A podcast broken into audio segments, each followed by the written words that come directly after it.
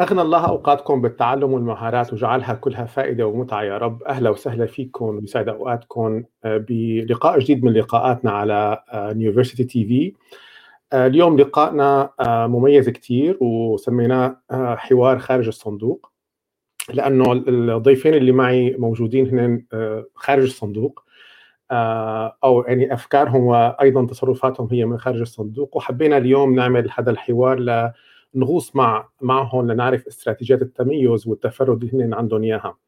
آه، طبعا إحنا مثل العادة ببث مباشر على آه، صفحة اليونيفرستي على الفيسبوك وقناتها على يوتيوب وأيضا عندنا الصفحات الفيسبوك للثلاثة الموجودين. ضيفي يمكن أنا إذا بدي أقدمهم شوي شهادتي مجروحة لأنه يعني اثنيناتهم نحن في صداقة كثير أو الصداقة والشغل بيجمعنا كثير قويين. آه، فبس يعني خليني أقول يمكن اليوم الحوار تبعنا هو خارج الصندوق لأنه آه، فادي اللي موجود معنا اليوم من إسبانيا فادي عمروش وإياد يعقوب موجود معنا من آه، أمريكا وتحديدا من من وادي السيليكون. آه، اثنيناتهم شخصيتين يعني جامعين المجد من أطرافه بالعمل اللي هم بيقوموا فيه. فمثلا فادي عندنا عدة سنوات له يعمل في مجال العمل المستقل وقدر يبني لحاله يعني خلينا نقول مملكته الخاصة اللي بيشتغل فيها وعنده طواقي كثير دائما بيلبسها لدرجة إنه أنا أحيانا بتخربط بالطواقي اللي هو بيلبسها. وما شاء الله عنه دائما يعني بالمكان الصح بالوقت الصح بالأمور الصح. فكتير مهم نعرف من فادي كيف قدران يكون عنده كل هي الارتباطات والمؤسسات اللي هو أنشأها واللي بيشتغل لصالحها والمظلات اللي بيعمل آه، تحتها. وبنشوفه طبعا أكيد متابعينه لفادي عمروش بشوفوا إنه هو إنتاجيته الفكرية والعملية آه، يعني عالية جدا جدا جدا. فاهلا آه، وسهلا فيك يا فادي ويسعد مساك. أهلا أهلا فادي كثير آه، سعيد بأي حوار وشكرا على الإطراء يعني شكرا كثير وإياد من الطرف الآخر آه، يعني مثال آخر على شخص أيضا آه، بنى امبراطوريته خلينا نقول أو مملكته ولكن آه، بطريقة مختلفة لأنه إياد عامل combination ما بينعمل بالعادة اللي هو إنه يكون الشخص موظف ومستقل و entrepreneur بنفس الوقت. وطبعا فوق كل هذا هو طالب دكتوراه. طبعا فوق كل هذا الاثنيناتهم هن أيضا أبوين ويملكون عائلتين وعندهم أطفال. إياد آه، يعني آه، تدرج بالأعمال بشركات أمريكية مميزة جدا جدا وكان له بصمات جدا واضحة في عدة شركات. أيضا بمجال تأسيسه لأعمال أو startups صغيرة فايضا هو كمان مؤسس لعدة startups وأيضا طالب دكتوراه. ويمكن وجودنا اليوم مع مع فادي وإياد هو لنعرف كيف هدول الشخصين قدرانين يكونوا عم يشتغلوا كل هذا الشغل وعندهم هيدي القدرة على الإنتاج وعلى النصائح وعلى التدريس وعلى التعليم وإنه يكونوا معنا دائما ويقدموا لنا آه، آه، كل كل مفيد. أهلا وسهلا فيك يا إياد. يسعد مساك. أنت بالنسبة لك يسعد صباحك. يسعد صباحك. ومساك وكل وقت. شكرا لك. أهلا وسهلا فيكم. طيب خلينا نبدأ معناتها آه، بأول شغلة أو يمكن قبل ما نبدأ خليني ارحب باللي موجودين معنا. يسعد مساكم كلياتكم أو صباحكم حسب ما أنتم وين موجودين. أنا صراحة شخصيا آه، سعيد جدا آه، بهذا بهذا الحوار. وأنا عندي مجموعة من الأسئلة لفادي وإياد ولكن أيضا أنتم إذا حابين تسالوهم أي سؤال فياريت تحطوهم آه، بالتعليقات. وأنا بنقول لهم اياهم وفي عندنا يمكن أول تعليق اجى من صديقنا العزيز عمار. عم يقول يسعد مساكم لقاء المميزين ودوما تبدعون. خليني أعرضه. آه، اختلاف أسلوبكم وشخصياتكم وطريقة طرحكم للقضايا يعطيكم تمييز باستيعاب كثير من العقول. أتابعكم بشغف وأتعلم منكم إلى زيد بالعطاء شكرا كثير يا عمار. أهلا وسهلا فيك. وسعيدين نحن بوجودك معنا ويا ريت كمان تساعدني آه نحاصرهم أكثر وأكثر بالأسئلة اليوم. آه خليني أبدأ مع آه فادي. آه أسألك فادي يعني اليوم يمكن من تحدياتنا اللي إحنا الأساسية آه، بطريقه الحياة اللي بنعيشها هي موضوع الإنتاجية. إنه أنا كيف فيني يكون إنتاجيتي جدا عالية وقدران إني آه، أقدم أقدم كثير ومن الأجهزة الأساسية بحياتنا هي جهاز الخلوي أو الموبايل وهو جهاز بعتقد موجود مع كل حدا فينا. فهو آه، ممكن يكون يعني أداة آه، مشتتة وأداة مساعدة بنفس الوقت. خليني أبدأ وأسألك إنه أنت بتف... يعني إذا نحن هلأ بتعطينا هيك صلاحية وبتقلنا وقت أنت بتفتح موبايلك تعمل unlock screen شو هي التطبيقات اللي بتظهر على موبايلك؟ عشان هيك نقدر ناخذ فكرة إنه أنت شو هي التطبيقات المهمة اللي بتتعامل معها بشكل يومي؟ أهلا أهلا فادي. آه سؤال حلو كتير ويمكن جوابي راح يكون شوي مفاجئ. آه ممكن تسألني شو التطبيقات اللي خافية ما تطلع بالموبايل. أكثر مو هي شو اللي بيطلع. لأنه عمليا في حيلة هيك ذكية شوي بالإنتاجية يمكن. آه بتقول اني ان الشخص هذا هذا السؤال هذا السؤال اللاحق لاحق. هو للأمانة أنا خافي كل شيء. فما راح فبيطلع لي بس المنبه. المنبه والكالندر هدول اللي اللي اللي يعني اللي بركز عليهم. خلينا نقول بالموبايل. بالنسبة لل يعني يعني هلا ما بعرف إذا إذا الإنترنت من عندي ومن عندك بس أنا ما ما سمعتك شو قلت. المنبه المنبه والكالندر هن اللي بركز عليهم. بال بالموبايل. بس التطبيقات الثانية آه، أنا بحذف التطبيقات. آه، صوتي واضح؟ أنا مشان ما نعبه Okay تمام. كحيلة إنتاجية بالنسبة لي هي أكثر اللي هي إني التطبيقات مثل التليجرام والواتساب خلينا نقول بتستهلك أكثر شيء الوقت. آه، بالموبايل آه، بخفي الأيقونة من سطح المكتب بحيث إني ما تطلع الإشعارات ابدا. وإذا واحد بده يدخل وهو يعني على الموبايل لازم يضطر بما معناه يعني يروح على ال App Store ويعمل له update هلأ هي الحركة خلينا نقول بتخلي الواحد يتكاسل يفتحه. فهو بيستخدمه فقط بالنسبة لي لما بيكون على الكمبيوتر على الكمبيوتر هذا موضوع ثاني اللي هو بيكون عارفان إنه فاتح التبويبة وعم بيشتغل على آه، على خلينا نقول على الابلكيشن لأنه هو بده يفتحه. باللحظة اللي ما بده يعني خلينا نقول يشتغل على الواتساب أو التليجرام عم نفترض طبعا الواتساب والتليجرام هن بالشغل فهو بكل بساطة بسكر التبويبة فهون ما في عنده شيء على الموبايل تجي مقاطعات غير إذا حدا اتصل آه، اتصل تليفون. Okay يعني آه أنت يعني نحن إذا فتح جهازك على الصفحة الأساسية الموبايل في آه ال calendar والمنبه بشكل أساسي. تمام. هلأ من جديد Clubhouse لبين ما نشوف وضعه فممكن ممكن كمان نرحله لقائمة المخفيين. Okay. طيب آه إياد إذا فتحنا الموبايل تبعك شو هي التطبيقات اللي نحن بنشوفها أول شيء والله أنا لو بتعرف قديش في كم تطبيق على موبايلي فوق فوق ال 200 يمكن. معبى معبى تطبيقات. وين السر بس؟ مو بالتطبيق السر بال notifications أنا طافي كل ال notifications آه، من كل التطبيقات كلها حتى حتى تبع الشغل يعني. لأنه هي الموضوع يمكن مو بالتطبيق قد ما هو موضوع له علاقة. أنت قديش intentional وعندك نية تروح تفتح التطبيق. مثل ما تفضل فادي يعني إنه أنت مانك ما أنا مفروض عليك قد ما أنت بتروح لعند القصة فعندي كثير تطبيقات كل social media طيب إذا آه يعني شو هي التطبيقات اللي أنت بتستخدمها أكثر شيء بشكل عام؟ يعني الموجوده على الصفحة الأساسية؟ الصفحه الاساسيه واتساب فيسبوك لينكدين سلاك Google Meet نتفليكس Uber Eats كل كل برامج التوصيل الأكل على البيت. ويا في كثير في برامج يعني برامج ما في ما في عندي أي شيء مخصص لمكان معين. الاشتراك اللي بشتركه مثلا مع فيسبوك و LinkedIn ال feed اللي بيجيني وقت ما أفوت عليهم هو مخصص للشيء اللي أنا بدي أطلع عليه. يعني عامل follow للشيء اللي أنا حابب شوفه وعامل له customization حسب اللي أنا بدي إياه. جوجل في Google Feed و Google News مثلا هدول اللي بيطلعوا لي هي الشغلات اللي أنا بقول لهم بدي أنا هدول الشغلات تطلع لي. فصفى صفى ما عندي notifications وبس فوت على ال application بيطلع لي الشيء اللي أنا عم بدور عليه. تمام. أنا أتذكر نقطة كثير حلوة اياد حكيها ويمكن يعني كان هذا قصدي عبرت عنها أفضل. فكرة ال notification الواحد التحكم بال notification يعني يعني عوض يعني ما هي قصة بالتطبيقات وإنما القصة قد تعمل notification مقاطعات. هلا في تطبيق هلا على سيرة التطبيقات يمكن أنا بستخدمه ظريف آه، لحل هي المشكلة شوي ما أعمل check up check لكل شيء اللي هو الاف تي تي تي الاف تي تي تي كثير ظريف آه، بتحط شرط if آه، شرط صار فاعمل لي notification فمثلا أنا كان عندي عادة الصبح بضيع وقت كثير بدي أشوف ال weather بدي أشوف القصص التقليدية اللي بنضيع فيها وقت نعرف بده ينزل مطر ولا لأ.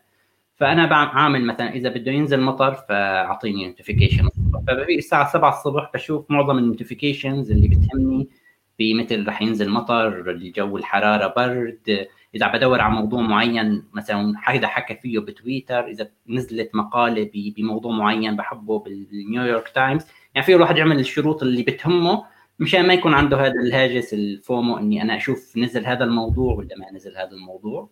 أنا مبرمجهم صراحة على السبعة الصبح بحيث أول ما بفيق يعني ممكن أشوف هدول المعلومات اللي بدها check يعني إني إذا في شيء مهم بيجي عن IFTTT يعني مباشرة notification هذا الوحيد بصراحة اللي عندي له notification على السبعة الصبح. الباقي ما في notification ابدا.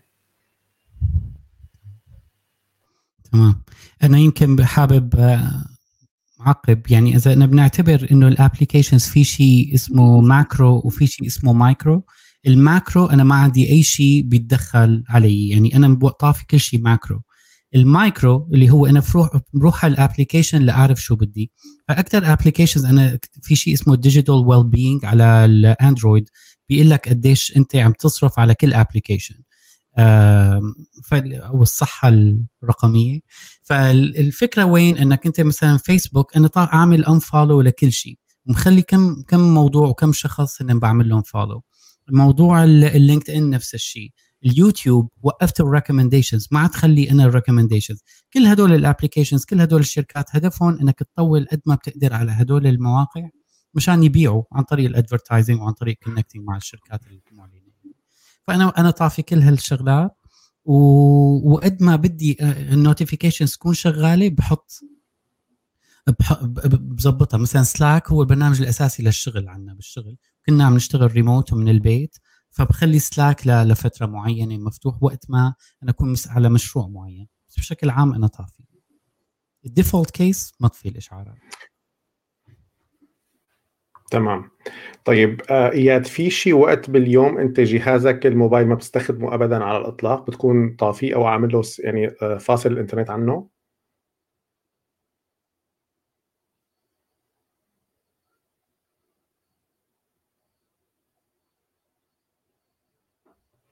هذا الوقت اي مزبوط. شكرا فادي. إيه، الوقت اللي هو وقت ما أكون مع أولادي ومع زوجتي هذا الوقت الموبايلات كلها بنحطها بمكان معين وما في. ثلاث أسباب. أول شيء فعلا واحد آه، في دراسة بيقول لك حتى لو موبايلك محطوط على على الطاولة ذكاء الإنسان بيقل ب 8% تصور هي دراسة كثير معروفة يعني عملت كذا مرة. بس إنك حاطه حتى لو قلبه للموبايل وما عم تشوفه بس مجرد مخك عم يتبرمج إنه موجود في شيء آخذ حيز من تفكيرك باللاوعي. فأنا هذا موضوع كثير مهم إنه out of sight out of mind يعني بعد بعيد عن النظر بعيد عن تفكيرك. الشغلة الثانية إنه role model للأولاد لأنه مشان ما يصير عندهم اعتمادية على هالجهاز. بيقول لك هلأ الموبايل هلأ عم يعتبروه كأنه جزء من جسمك صار organ يعني كأنه إذا ما معك موبايلك كأنك أنت خسران عضو من جسمك. فهذا السبب لأنه كل شيء موجود بجهاز واحد. فهذا موضوع مهم إنه الواحد ما يعتمد على شيء مثل هيك. يعني بنتي مثلا بدها آه، آلة حاسبة كثير سهل إنه تستخدم الآلة الحاسبة اللي على الموبايل. لا بنجيب آلة حاسبة خاصة فيها مشان ما يصير إنه آه، تتحول لبست تول تتحول لبيست أنا بسميها. لا تتحول شغلة مفيدة تتحول لوحش ما عاد تقدر تتحكم فيها. فهذا هذا الموضوع الثاني. والموضوع الثالث آه بخليني آه، فضولي أكثر أقرأ نفسي إذا الموبايل ما موجود معي شو بصير فيني. كيف ممكن مخي يروح لشغلات ثانية تمام. آه طيب فادي أنت بالنسبة لك في شيء أوقات ما بتستخدم فيها جهاز الموبايل وبتكون آه يعني طاف يعني إما طافي الإنترنت عنه أو هو طافي بشكل كامل؟ وهل أيضا تقوم بحساب الوقت اللي تقضيه على الإنترنت باستخدام تطبيق ما؟ آه، تمام. هلا أنا بالنقطه يعني الحيله كمان بلجأ لها إذا في مهمة أو ديدلاين بدي أخلص بسرعة فبحط الموبايل على وضع الطيران وبعيفه بغرفه ثانية أو يكون بعيد. وهي هي الحيله تنفعني دوما بالمهام اللي بدها تركيز مثلا بدنا نقول بين ال 40 دقيقة للساعة. فتقريبا كل يوم ممكن أنا أعملها مرة واحدة يعني إني مرة أو مرتين إني هي عملية التركيز آه، بهي الطريقة. طبعا تفقد الإحصاءات كمان بيعطيها الموبايل شد واحد قاعد على التطبيقات كمان طبعا هي مؤشر حلو. هلأ أنا ما يعني بتمنى أكون مثل إياد إني أحاول أقضي وقت بدون موبايل. أنا بعمل شغلة ثانية ما بعرف يعني شخصية إني أنا بحاول يعني لما يكون معي الموبايل إذا بعمل نشاط ثاني إني أعمل نشاطين خلينا نقول بنفس اللحظة. يعني لما بطلع بعمل رياضة فبدل ما يعني هي الرياضه طبعا الهم اليومي إني تلاقي ساعة أو ساعة ونص للمشي. فإني أعمل شيء ثاني بالموبايل مع المشي اني أتكلم مثلا مع أهلي أعمل مكالمات أتكلم إذا في شيء بيساعد الإنترنت واحد يعمل مكالمة بزنس يحكي إذا لحدا تسجيل صوتي. يعني يكون اثنين بواحد من من هالباب يعني. يعني ف فعادة بيكون عدا أوقات العائلة خلينا نقول أو أو الأوقات الثانية بحاول أعمل اثنين بواحد لأكسب الوقت بس من هالباب بالموبايل.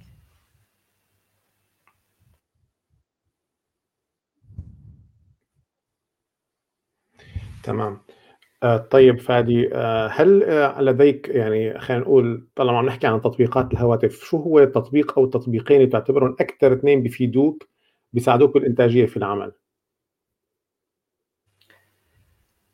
والله هو أنا أكون صريح أنا يعني رغم إني يعني محسوب على جيل الموبايل بس أنا استعمالي مت... يعني ما كثير متآلف مع تطبيقات الموبايل بصراحة فالإنتاجية عن طريق الموبايل يمكن أنا ما عندي التطبيقات فقط الرئيسية جدا جدا جدا. يعني يمكن هذا ال IFTTT أنا يمكن لما اشتريت الموبايل ما بعرف كمان يعني لما فكرت جبت مساحة قليلة كثير لأضبط حالي ما يعني أنزل كثير شغلات. فعندي الذاكرة أنا يعني متواضعة جدا ذاكرة الموبايل.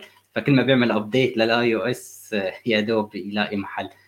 ف ما في يعني شيء تطبيق معين بصراحة يعني له علاقة بالإنتاجية أكثر شيء يعني يمكن اللي بيهمني فقط إني أقلل مقاطعات لعمل deep work هذا يمكن بلاقي أو أعمل أمرين بنفس الوقت. يعني ممكن كموبايل يمكن كان يهمني أكثر يكون الصوت واضح أو أو الشبكة أو القصص اللي لها علاقة خلي الواحد يعمل فيها يعني two tasks at the same time أكثر من من من من قصه التطبيقات.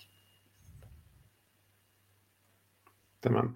طبعا موضوع ال ال الذاكرة تبع الهاتف أنت متقصد تساويه بهي الطريقة ما هيك؟ إيه تماما تماما. لأنه الفكرة الإنسان بالنسبة لي يعني إني صعب كثير يحط ضوابط. يعني إذا بده يقول لحاله أنا ما بدي أعمل ما بدي أعمل فهو معناته كل يوم بده يتخذ قرار بمقاومة إغراء. فالأفضل شخصيا لحتى واحد ما كل يوم يتعب حاله نفسيا بمقاومة إغراء اني يعمل اني هذا يعني هذا الإغراء يعمله صعب تقنيا. فإذا ما في ذاكرة فهو متحكم بال application اللي بدها تنزل فهو مضطر يفاضل ويعيد أفضل أفضل كم تطبيق مثلا. إذا إذا ما في آه، خلينا نقول آه، يعني ما في شيء معين فهو مضطر يعني آه، يعمل اكشن ليعمله. يعني إذا إذا ما في تطبيق الواتساب مثلا مخفي من سطح المكتب فأنا حتى يعني ما إني حذفته لأنه ما بينحذف لأنه ما بيشتغل على على الكمبيوتر بدونه. عكس التليجرام. بس هيك على الأقل أنا مضطر كل مرة أروح على ال App Store وأكتب واتساب ويطلع لي open وأعمل open لأشوف. فإذا أنا بعملها مرة مرتين بعدين بقول لا خلاص ما بدي كل هالقصة. فأنا بعقد الإجراءات اللي بتؤدي للتشتيت. أسهل ما كل مرة يكون قدامي الواتساب وأقاوم إغراء آه، بما معناه آه، فتح الواتساب. لأنه في الاخير بنفشل يعني. مثل مثل المثال التقليدي بالأكل الصحي. إذا الواحد كل يوم بده يجيب آه، حلو على البيت ويقول أنا لازم أقاوم ما اكل حلو فهو صعب حتى لو كان قوي وكتب القصائد والشعر إنه هو عم بيقاوم بس بالأخير يا بده يفشل يا إما عم حاله عبء نفسي. هلأ إذا منع منعوا ما اشتراهم ابدا ومن موجودين بالبيت فهو يعني ما في داعي يكون بطل لأنه ما موجود. 100% أنا بتفق تمام. مع فادي بتفق طيب إياد أنت بالنسبة لك شو هن التطبيقات الأساسية اللي بتعتمد عليهم؟ تعتبرهم تطبيقات الإنتاجية الكبيرة بالنسبة لك؟ تمام. يمكن في تأخير فيمكن ما عم ينسمع الصوت أول شيء بس آه، رح تتفاجئوا أكثر تطبيقين أنا بستخدمهم هن الواتساب والفيسبوك. هدول يعني هدول بالنسبة لي ما ملهيات بالنسبة لي هدول آه، برامج إنتاجية. يعني صفى أنت هدول الناس ليش بتلاقي في في في نوع من الانقسام؟ إنه حدا بيقول لك الفيسبوك والواتساب وغير هدول برامج هدول ملهيات. أنا بالنسبة لي هدول أدوات إنتاجية. يعني أنا مثلا إذا بدي أتواصل مع client إلي مع زبون بتواصل معه على الواتساب.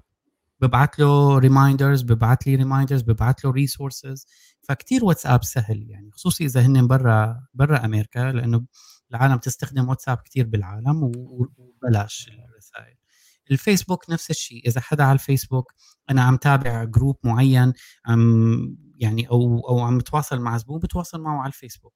بحكم وجود أغلب الناس على هدول المواقع عم تكون برامج إنتاجية. فبتخيل يمكن إذا إذا بدي أعطي ملخص فكرة إنه قد ما بتقدر آه، كون intentional آه، وكون عندك نية واضحة ليش عم تستخدم ال app. ومثل ما تفضل فادي إلغاء الإغراء دائما أحسن وأسهل و more efficient من مقاومة الإغراء. لأنه أنت عندك عندك اعتبرها بطارية اعتبر حالك أنت الموبايل. اعتبر حالك عندك بطارية كل يوم رح تخلص البطارية. هي البطارية هي شو؟ هي طاقتك. ما بدك تصرف طاقتك على كل ملهيه ورح تخلص. فبدك تصرفهم على الشيء اللي فعلا محرز بالحياة. والباقي يطلعوا برا يعني. عشان ما يضل عم يصرف بال back end تبعك يعني.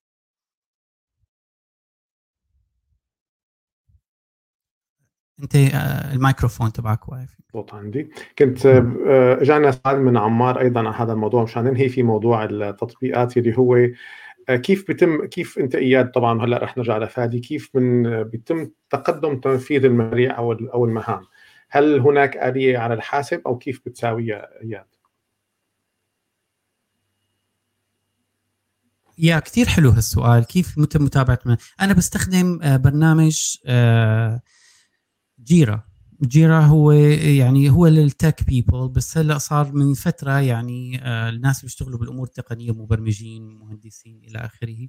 بس هلأ صارت كله عم يستخدم هذا المفهوم تبع السبرنت والاجل والاجيلتي بالبروجكت مانجمنت فأنا يعني برجع بقول لك ما بتجيني هالأمور naturally ما عندي أنا إدارة مشاريع منظمة حياتي بهالطريقة. فإذا بدي أعمل مشروع لازم استخدم أداة. أداة هي تعطيني هالمساحة اللي ما بتخليني أفكر كثير للشغل أغلب العالم بيستخدموا جيرا اللي هي ال sprint board وال Kanban board وهدول المواضيع. هي اذا task بتشيلها من مكان بتحطها بمكان. وشغالة كثير بتبلش بالأسبوع بتقول أنا عندي هال top 3 آه، أو أكثر ثلاث مهام أساسية هذا الأسبوع بدي انفذهم وعندك متابعة يومية ال scrum meetings واخر الأسبوع بتعمل wrap وتقول أنا خلصت هذا المشروع. هيك بشتغل مع موظفين اللي بيشتغلوا معي هيك بشتغل مع مع زملائي بشتغل مع مدرائي بشتغل مع زبايني مع الموردين وال vendors. بهذا الأسلوب يعني بصراحة. ما في في بداية وفي نهاية وبتقدر تقيس نجاحك. بستخدم مفهوم ال points كل task أنا بستخدمها إلى point يعني نقطة. النقطة هي عبارة عن ساعتين. فما بطول على task أكثر من ساعتين. ما تكون أقل من ساعتين ما تكون أكثر من ساعتين. يعني بنصح كثير عالم يستخدموا هذا المفهوم لأنه أغلب سيليكون فالي إذا بقول لك 80 90% من العالم هم بيشتغلوا بهذا الأسلوب.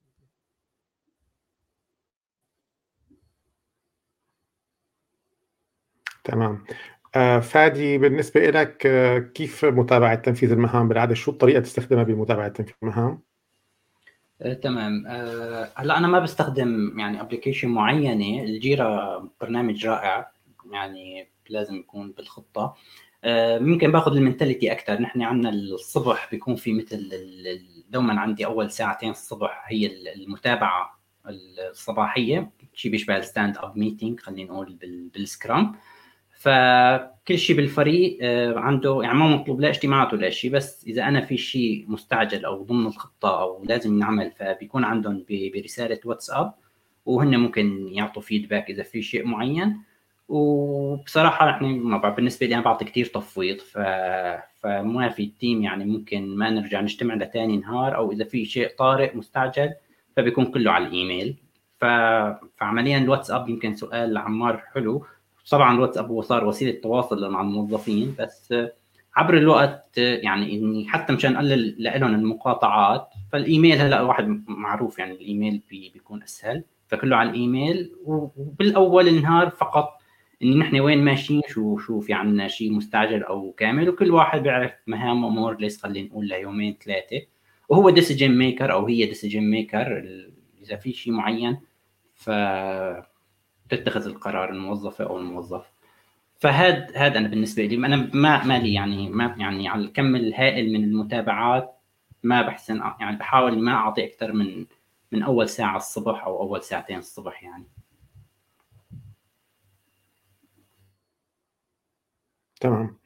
طيب هلأ رح نجي نرجع لإياد واسأل آه، إياد إذا بدك تحكي لنا أنت عن يومك يعني اللي هو بشكل عام يومك. من وقت استيقاظك إلى وقت دخولك غرفة النوم لتنام بالأخير. آه، إيمت بت بتفيق وإيمت بتنام وكيف تقسم وقتك؟ يعني كيف بتقسمه للعمل والإنتاجية؟ كثير حلو كثير حلو. رح أقول لك شغلة السنة الماضية كانت سنة تحولية بالنسبة لي. الشغل من البيت آه، تغيرت كل نظام حياتي السنة الماضية. وخصوصي آخر كم شهر خلص يعني وضح إنه شلون نظام حياتي راح يكون. أنا في آه، أنا ماني من الناس اللي بيفيقوا بكير بسهولة. فقررت إنه لازم يكون في عندي يعني محفز أكبر من إني أنا أعتمد على حالي مثل ما حكينا. فقررت إني أعمل كل الاجتماعات المهمة. أهم اجتماع باليوم أعمله أول اجتماع باليوم وحطه أول بكير الساعة 6 الصبح. يعني عندي اجتماعات 6 الصبح. وهذا بيخليني خلص إنه أضطر فيه لأنه بيروح علي الاجتماع بينتزع كل نهاري فدائما بفكر بهذا الموضوع. ففي بكير كتير وبحط أول اجتماع الساعة 6 الصبح coaching ل client ولا ولا اجتماع مع مديري أو اجتماع مع مدير مديري حتى يكون وقته بنيويورك أو وقته بمكان ثاني فهذا هذا اللي بساويه. أه بحاول يخلص يومي الساعة 12 الظهر. يعني إذا بقدر إنجز كل شيء مهم وقول ما راح أعمل شيء من الساعة 12 الظهر لفوت نام بكون أنا مرضيان عن حالي. يعني بكون أنا خلصت اللي علي الساعة 12 الظهر. إذا بعمل هذا الشيء نفسيتي كثير بترتاح باقي اليوم. وأنا بحس حالي إنه من الناس اللي بينتجوا أكثر شيء بين الساعة 10 للساعة 12 الظهر. بكون لا ما تعبان ولا نعسان ولا آه، بدنيا. فبعدين باقي النهار بخليها لل taskات اللي ما بدها ما بدها تفكير كثير في شيء إبداعي في شيء هيك آه، يعني أشتغل مع حدا co آه، creation ننهي موضوع نعمل موضوع هدول بيكون شوي شوي wind down وقف شغل تماما تماما الساعة 6 المساء لازم. يعني ما في دقيقة بعد الساعة 6 المساء يكون في شغل. وبعد الستة المساء هو وقت إني أطلع مع بنتي نلعب باسكت بول عنا بالبارك ولا ولا نقعد نتفرج على شيء يعني شغلات لها علاقة بالعيلة هي كثير من 6 للساعة 10 بالليل 10 ونص 11 يعني يعني إذا هذا بجاوبك. صعبت علي الجواب هلأ أنا. والله دورك يا دورك يا فادي هلأ. صعب. هلأ بشكل عام يعني هلأ أول أنا باعتبار عم نحكي شخصيا اني أنا شايل أكثر من مظلة وبدي يعني بأكثر من قصه عم نشتغل فيها. فيمكن المكسب الوحيد هو أول ساعتين الصبح ب ب أو ثلاث ساعات الصبح الشغلات المهمة اللي هي عندي من التسعة تقريبا ل 12 اني أخلصها. أه هلأ أنا مالي من يعني ما بحب الفيقة بكير to be honest حاولت كثير طبعا أجرب هدول التقنيات. يعني بالأخير إذا ما حطيت موعد اجتماع مثل ما قال آه، إياد فما راح يمشي الحال يعني. ف للساعة تقريبا آه، طقوس الصباح وتوصيل البنات والمدرسة وهالقصص يمكن للتسعة بس عندي من التسعة ل 12 هي خلينا نقول ثلاث ساعات اللي فيها تركيز اللي فيها أقل شيء مقاطعات. بعد ال 12 آه، خلينا نقول ونحن رايحين فبترجع الأمور المتابعة اليومية وحسب يعني خلينا نقول الفكرة الفكرة اللي حكاها إياد حلوة إني الواحد بحط تاسك لساعه ساعتين يحاول يخلصها على حسب ال ال ال الشغلات اللي بدها متابعة يعني. هلا للأسف بعالم يعني مثل ما بقولوا إنشاء المشاريع أو اللي عم يشتغل مشاريع جديدة فدوما في عنده ما مقاطعات بقدر ما هي إن شغلات جديدة بتطلع بده يشتغلها أول بأول. فهو كمان مقاد شوي بالتاسك يعني عندنا اليوم بدنا نقدم بروبوزل عندنا عرض عندنا مهمة عندنا كتابة عندنا تنسيق مقالة. فهي هي الأمور إجباري بدها يعني بتقود شوي النهار يمكن بشكل أو بآخر بالنسبة لي يعني. ما عندي للأمانة للأسف كضغط شغل مثل ما بقولوا ليلا نهارا صيفا شتاء. بحاول بحاول يعني يكون طبعا في وقت يعني مثل ما بقولوا واحد يفصل فيه أو للعائله ولكن مثل يعني مشكلة لما صرنا بالأونلاين كان قبل واحد يروح على ال office أو على ال coworking space كان عندي coworking space فبيعرف حاله راح للساعة 2 رجع من 2 2 للأربعة غدا رجع راح للسبعة. مجبور بده يلحق المواصلات ما بيحسن يرجع بالليل إذا مطر. في قيود بتجبره فهلأ على الأونلاين صرنا للأسف آه، اختلط هذا الموضوع بشكل كثير كبير وهو تحدي تحدي للأمانة. يعني ما راح أقول إني في وقت للعائلة ووقت للكذا لأ الأمور فايتة بالحيط. إذا معلش أنا يعني عقب على الموضوع يعني أنا محكيك بشكل عام هلأ 70 80% بتجي أيام ما بطبق هذا الحكي أبدا يعني. ويتلخبط هذا الموضوع بال weekends أنا ال weekends بلبكوني كثير عطلة نهاية الأسبوع. فشلون بدي أنظم وقتي؟ يمكن لسه هذا الموضوع أنا حاطه هي السنة إنه شلون هي نهاية الأسبوع. شغلة أنا ما ذكرتها هي كثير كثير مهمة. يعني أنا بنصح أي شخص ومن يومين طلعت مقالة على هالموضوع مع مقابلة مع مجلة. كثير مهم قبل ما تعمل الشغلة بس تقعد مع حالك 20 ثانية. يعني هي أنا بالنسبة إلي عملت أكبر تغير بحياتي اللي هي هي ال 20 ثانية قبل شغلة ما تعملها. هي بتساعدك to recenter yourself وتعطيك النية بقى. لأنه إذا أنت بتروح على الموضوع بدون تفكير غالبا رح تقاد بال event ما راح تقود أنت ال event وما راح تconnect ل value عندك إياها. فأنا هذا الشيء بيساعدني. ببلش اليوم ب center واحد اللي هو أنا اليوم شو لازم شلون أنا بدي show up لشو وكيف راح show up لهالموضوع هذا. آه مثال يعني. إيه مثال إنه مثلا أنا اليوم بدي أقعد مع العيلة. رح ألتزم بهالموضوع؟ إيه وكيف بدي أقعد معهم؟ بدي أقعد معهم إنه 100% عم focus على. يعني ال attention تبعي عليهم. ما اضل عم فكر بآخر ايميل انبعت ولا شغلة بدي أبعتها ولا رسالة ما صارت. هي كثير ساعدتني إنه ما إنه فعلا وازن بين الحياة. هو الموضوع مو إنه physically تكون بالمكان قد ما هو mentally تكون أنت فانا هي كثير بنصحكم 20 30 ثانية مثل مثل مثل يعني ترجع to ground yourself بالمكان اللي أنت فيه مشان تعرف أنت شو عم يصير. هي هي هي بتساعدك كثير بالحياة. هيك بيقول لك ال mindfulness أو ال meditation الحقيقي هو إنك تعمله خلال النهار in the flow of the day مو إنه والله تقعد جلسة ساعة وخلاص. هي ما بتفيدك بدك ما تكون event تكون connected لكل لكل لكل activity بتعملها. بال meeting قبل الرياضه قبل أي شغلة. طيب آه، إياد أنت كم ساعة نوم يكفيك باليوم؟ أو كم ساعة بالعادة بتنام باليوم؟ بكفيني يعني deep sleep يعني نوم حقيقي ست ساعات يعني ستة ستة ونص سبعة يعني هيك شيء يعني. آه، بتواجه شيء مشاكل بالنوم ولا بعد نهارك الطويل آه، تسقط نائما؟ آه كثير حلوة الفكرة أنا أنا ضليت سنين سنين عندي مشاكل نوم. لآخر برجع بقول لك يمكن آخر سنة فرقت معي اللي ساعدني بموضوع النوم هو بصراحة الاكتيفيتي اللي بعملها قبل النوم. اللي بيخليني ما أنام منيح هو التفكير صراحة مو أي شيء ثاني فالتفكير مثل كل العالم. فهي أنت how to wind down يعني ها كيف إنك أنت شوي شوي تخفف. في techniques كثيره موضوع ال meditation بيساعد. موضوع ال موضوع ال reframing وال imagination هي كثير بتساعد. يمكن رح أعطيك tip الاكثر شيء ساعدتني. هو موضوع ال judgment إنه أنا بهاللحظة أنا شو ال judgment تبعي عم يكون على حالي أو على غيري؟ إذا في هي نوع ال judgment هذا آه ما راح أقدر رح تضل يا متضايق يا معصب يا متضايق يا معصب. يومك مستحيل يمشي مثل ما أنت منظمه ومخططه. ف... ف... فهي هون بقى بصير هال هال هالدلتا هي دائما بتعمل لي أرق بالنوم. فكيف أنا بدي هالدلتا هي؟ اقبلها وثاني يوم بقول أنا رح أعملها أحسن. هي هي هي أكثر تكنيك أنا ساعدني بصراحة. تمام. إياد قبل ما ننتقل لفادي بس في كان سؤال اجى ببداية لقائنا من محمود كان عم يحكي عن شو هي أو برأيك البيئة كان لها أثر للإنتاجية أو البيئة تؤثر آه، ولا لا؟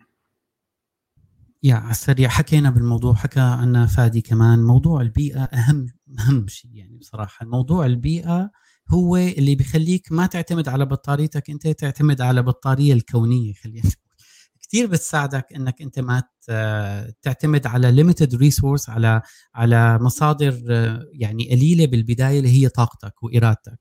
بعدين شوي شوي بتتدرب وتقوى عضلتك. هون وقتها أنا أنا بصير توازن وتعمل شغلات أقوى وأحسن وأسرع.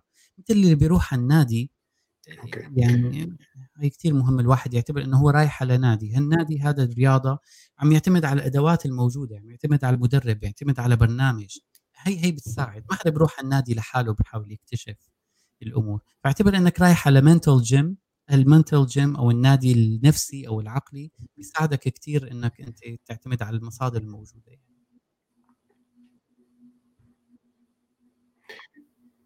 طيب فادي معلش ارجع نسألك نفس السؤال إنه أنت كم ساعة نوم يكفيك بالعادة وهل تواجه مشاكل في الخلود للنوم؟ هو أنا لا يكفيني للأمانة يعني دوما لا يكفيني للأسف يعني كل فترة ممكن يعني أخذ لي هيك يعني نومة هيك كافية يعني هلأ طبعا المشكلة يعني يعني نكون صريحين يعني بنهايه النهار بعد ما واحد يخلص كل شيء لازم يكون في عنده يعني يعني نتفليكس أو whatever اللي المسلسل اليومي وبكون صار الساعة 11 11 12 ولازم يفيق دوما على الست على السبعة يعني هي ال default يعني صيفا شتاء مثل ما بيقولوا. هلأ هو يعني بالأخير يعني بالنسبة لي أنا شخصيا بشوف إن المهم إن الواحد يعطي وقت له بين الفينة والأخرى إني يعني نوم أو غيره إني يشبعه خلينا نقول. يعني يشبع النوم يعني ينام نهار بشكل كافي أو ياخذ مرة قيلولة ثلاث ساعات الظهر بحيث اني بعدها ممكن يشتغل آه، شهر بدون ما يحس بإحساس النعس. يعني هدول الشغلات المكافئات اللي اللي ممكن تشحن كمان البطارية بشكل بشكل أو بآخر. آه، موضوع كومبليكيتد بعرف من ناحية الصحة كمان يعني عشان ما نكون نحن عم نحكي شيء يعني انه هو إني والله نتفاخر إني والله بقلة النوم أو كذا. صحيا أكيد النوم لمدة فترة كافية يعني له له ثقل كثير كبير صحيا ولازم الواحد يراعي طبعا بشكل أو بآخر. حابب أنا آه، معلش طيب. إذا إذا بس عقب على شغله موضوع البيئة إيه، تفضل إياد تفضل. يا بس موضوع البيئة كثير مهم. يعني انت ذكرت أول بدايه الحلقة كلمة جوهرية اللي هي موضوع إنه نحن آباء وعندنا أطفال. هي ما في ما في يعني هي يمكن حالة full time أنا عمل كامل بدوام كامل. أنا لو يعني بصراحة بعتبرها لو لو ما شريكتي زوجتي يعني اللي هي ما ما أنا ما أنا ما أنا supportive متفهمة وأخذ الجزء الأكبر من المسؤولية بالأولاد مستحيل مستحيل أنا أنفذ ربع اللي أنا عم في في تفاهم بهذا الموضوع؟ ومتفقين يعني على الصيغة معينة حاليا. بعدين رح تاخذ شكل آخر. بعدين قبل كانت عم تاكل تاخذ شكل آخر. هذا موضوع كتير مهم إنه آه يعني ال partner تبعك أو الشريك تبعك كيف كيف كيف العلاقة وكيف شكلها وكيف متفاهمين عليها وكيف تتغير عبر الزمن. هي هي تمام طيب. آه في سؤال بدي اسالكم اياه اثنيناتكم بس هلأ كونه إياد أنت معي. آه أثناء يعني عملك باليوم آه، أنت بتكون مستيقظ صباحا ولديك برنامج للعمل أو مخطط أنت اليوم اللي بدك تشتغله كيف؟ بقلب النهار آه، صار أشياء سلبية آه، سمعت خبر ما حلو وصلك شيء عن حدا بتعرفه عم يمر بمشكلة أنت بالشغل صار في مشكلة إجاك إيميل يعني مو على مزاجك. كيف تتعامل مع السلبيات من هذا النوع اللي بتمر عادة بقلب اليوم؟ سؤال رائع. لصيغه مرة ثانية بلغتي إذا صار إيفنت سلبي ما انك متوقعه كيف هذا الشيء ترجع تقوم منه وتعمل ترجع على على على برنامجك الصح أو شيء اللي أنت حاطط ببالك تنفذه. بصراحة لك من بداية السنة الماضية لليوم وخصوصي بالذات شهر 4 2020 لليوم أعتبر حالي أنا كل يوم عم روح على النادي والله صدقا يعني اللي هو النادي العقلي اللي هو عندي coach وعندي training وأنا يعني احاول كنت السنة الماضية كلها أركز على موضوع ال coaching تدريب يعني. آه أنا أتدرب عند حدا وأحضر وعندي جلسات أسبوعية معدل 10 إلى 15 ساعة. آه هي كأنه عم أتدرب على عضلة كيف أنا آه، أقوم من موقف سلبي. هي مه... هي يعني صار لي سنة ونص أنا ب... اللي بيعرفوني من قالوا لي أنت مست... كثير متغير. اللي صار بالضبط إنه آه هي ال techniques اللي بطبقها أول شغلة بقول هل أنا عندي control عليها ولا لا؟ هل كانت أنا بقدر هذا الشيء تحت ال control تبعي ولا لا؟ إذا مو تحت ال control بتحس 50% من ال stress راح. يعني event صار ببلد ما بمكان ما بش...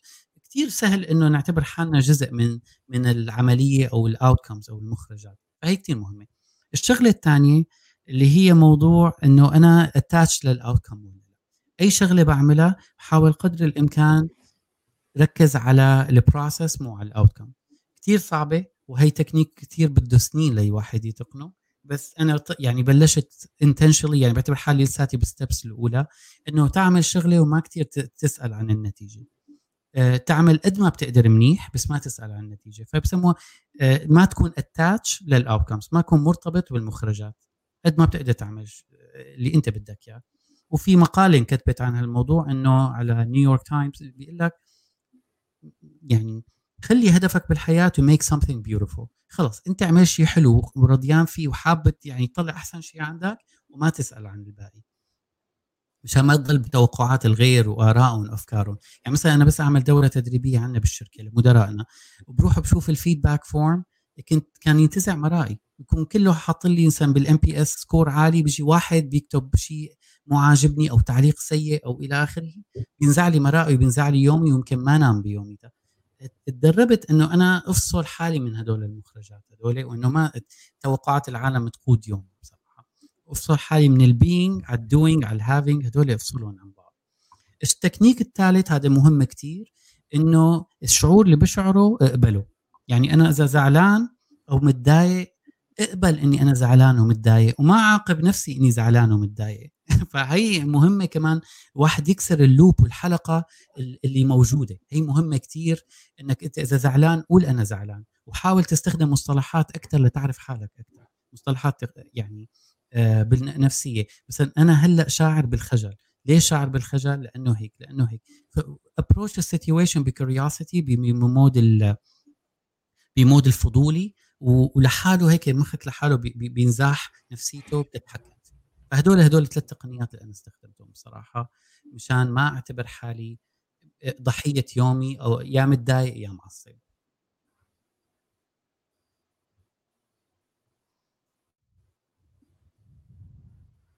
تمام.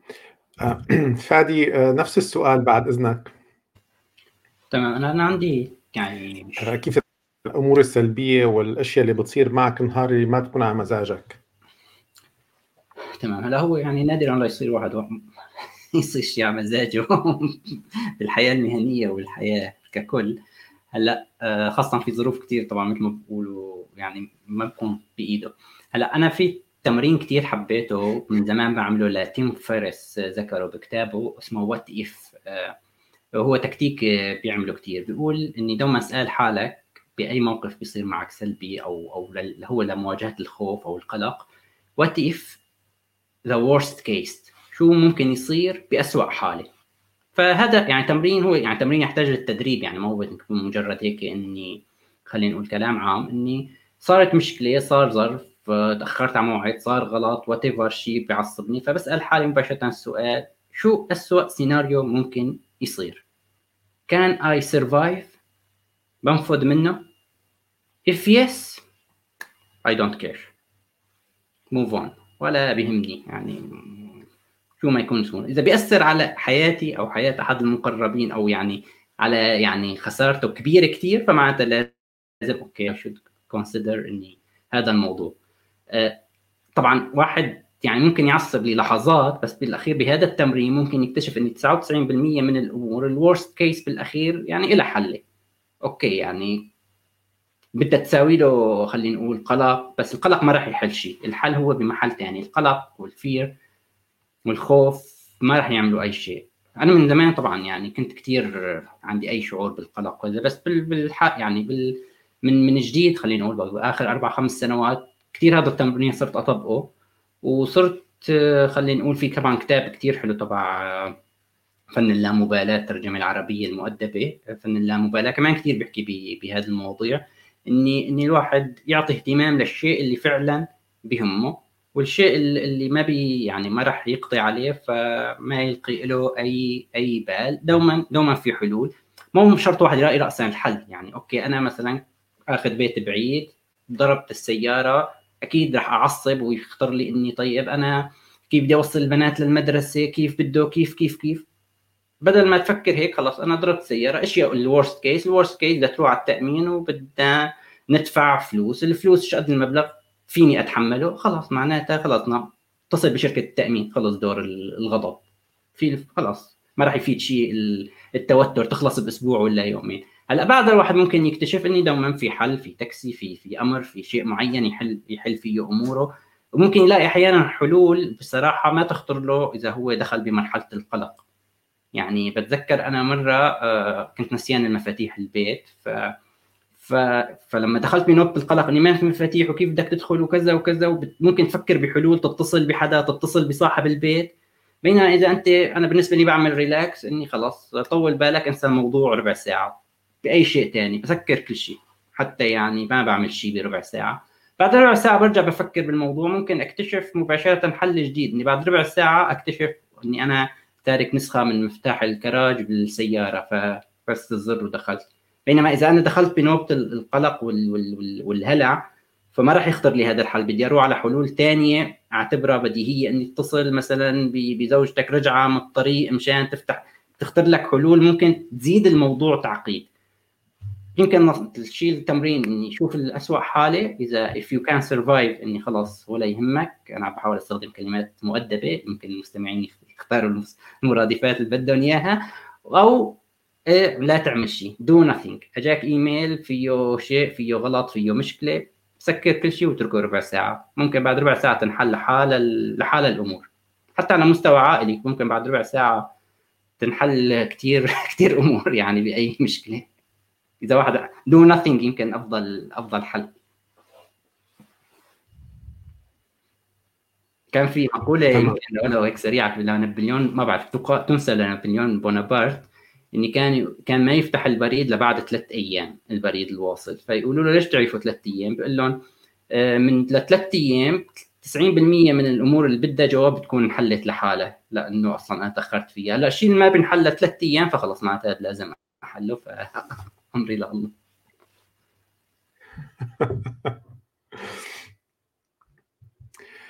طيب أنا بدي أرجع أرحب بكل اللي موجودين معنا وأتشكركم كثير على تفاعلكم الكبير معنا. أنا عم حاول أخذ يعني يمكن صعب أخذ كل سؤال بسؤاله ووجهه للضيفين فعم حاول أخذ الأفكار بشكل عام وأدمجها بصيغ أسئلة عامة. لذلك رح أتوجه لفادي وإياد رح بلش مع إياد بسؤال. قديش يومك إياد بتعتبره يعني قديش بتعمل structure له؟ هل أنت بتكون مخطط الأمور باليوم كيف بدها تمشي؟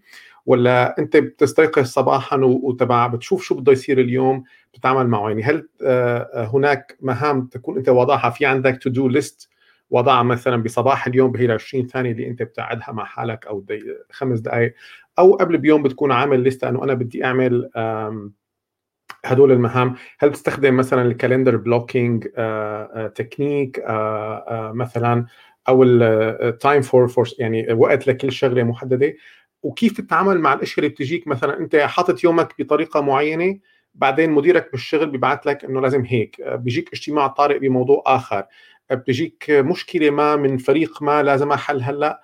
ضمن اليوم اللي أنت كنت مرتبه إذا كنت أنت هيك. فكيف تتعامل مع هذه الأمور؟ كيف ترتب يومك؟ وكيف تتعامل مع الطوارئ اللي بتجي على اليوم المرتب؟ سؤال كتير حلو. وبصراحه يعني وانت عم تسألني عم عم ابني awareness إنه شو شو شو بساوي؟ reflection هلأ. اللي أول شيء بساويه إنه الشغلة اللي مو على ال calendar تبعي ما أنا موجودة. خلص. إذا ما أنا موجودة على ال calendar فهي ما أنا موجودة بحياتي. هي أنا يعني بعتبر حالي لأنه أنا ماني إنسان منظم بالأساس. يعني أنا ماني عندي عضلة التنظيم وال organization كبيرة فبحاول ما مشان ما أصرف وقت عليها وتطلع شغلة بدها تدريب سنين بعتمد على أداة بتساعدني بهذا الموضوع. وهلأ الأدوات كتير متطورة لدرجة إنه يعني مو طبيعية قد ما فيها AI وفيها machine learning فيها القصص بتساعدك كثير فال calendar تبعي أنا بعت عندي أربع خمسة calendars يعني إذا بورجيك عندي لكل لكل ايميل لكل شركة لكل مكان فشوف شو بساوي. اذا إذا عندي ال calendar الشخصي بدعي نفسي على ال calendar ال professional من ال professional بدعي حالي على الشخصي. فموجود على كل ال calendars. مشان ما اصير manage multiple calendars بدعي حالي على كل هدول ال calendars. فبشوفه بكل مكان هذا ال event وبالأساس العالم يعني في بيقول لك إذا العالم أنت ما بتحط لحالك هوية واضحة العالم بتحط هوية عليك.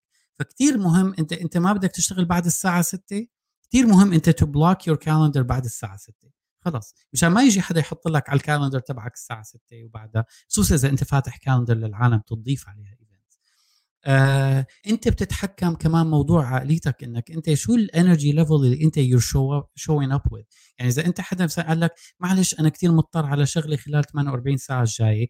وهذا رح disrupt ال calendar harmony تبعك. اتذكر هون خذ هال 20 ثانية مشان تتذكر إنك أنت شو شو شو ال value تبعك. work life balance معناته ما تعطيه برا ال work life balance إلا إذا هذا الشخص مهم إلا إذا فعلا في حاجة اضطرارية. أنا أنا بترك بت يعني غالبا 90% من حياتي مقادة ب calendar بترك 10% لل unexpected events يعني نحن كل ثلاثة شهور بنعمل planning للثلاث شهور الجايين ما بنعمل أكثر من ثلاث شهور. أكثر من ثلاث اشهر بصير ما عاد لها معنى. حتى ثلاث أشهر صايرة كثيره يعني. فشو بساوي؟ إنه بترك 20% من الجوز تبعوني 20% تقريبا آه لشيء ما راح أعرف شو راح يصير خلال هالثلاث أشهر. وغالبا بتتعبى أكثر من ال 20% ف plan the unplanned أو يعني هي مهمة ال black swan مثل ما بيقولها فادي. فمهم كثير إنك أنت تترك مجال للشيء اللي ما بتقدر تخطط له.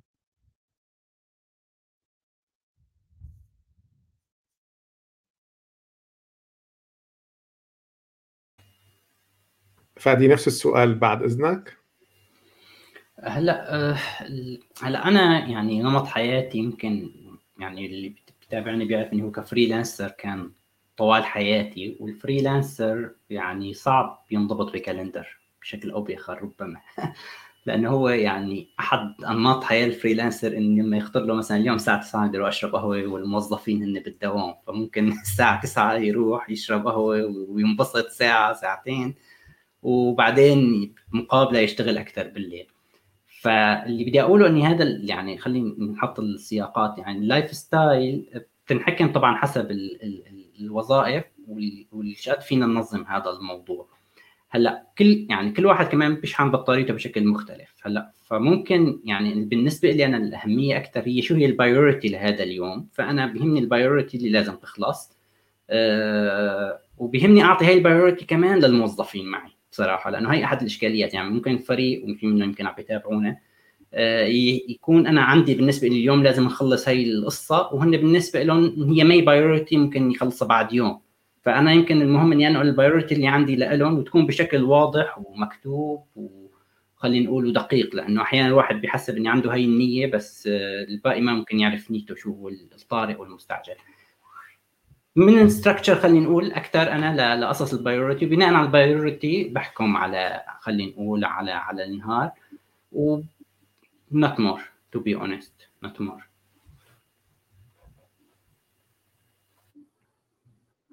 تمام. طيب رح نرجع هلأ أو نجي لموضوع له علاقة بالرياضة. آه، اياد قديش في عندك ممارسة رياضة بشكل عام بشكل يومي؟ أنا كنت خايف تسألني هالسؤال. أنا ما بلعب رياضة ابدا بصراحة وهذا الشيء يعني عمل لي أزمة نفسية وصحية. فحكون كثير واضح أنا من الناس اللي صحيا يعني جدا مقصر وعندي مشاكل صحية بسبب هذا الموضوع. فقررت إني أعتمد على الأدوات ومارس الشيء اللي أنا بقوله للعالم أو بقوله لحالي وناجح بغير القطاعات. فاشتريت ال pull up stand هذا اللي بتعمل عليه pull ups وقصص وحطيته عندي بالجنينة.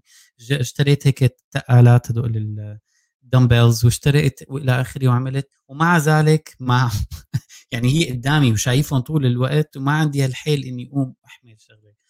ف أخذ معي coaching كثير ومع coaching coaches fitness coaches وما fitness coaches وأنا يعني تعذبت تعذبت لدرجة إنه بالأخير خلص يعني. وبعدين فطلع معي مشكلة إنه أنا عرفت شو بالضبط شو عم يصير. أنا ما بحب أعمل شغلة ما بستمتع فيها خصوصي إذا بتلبك يعني مثل الرياضة.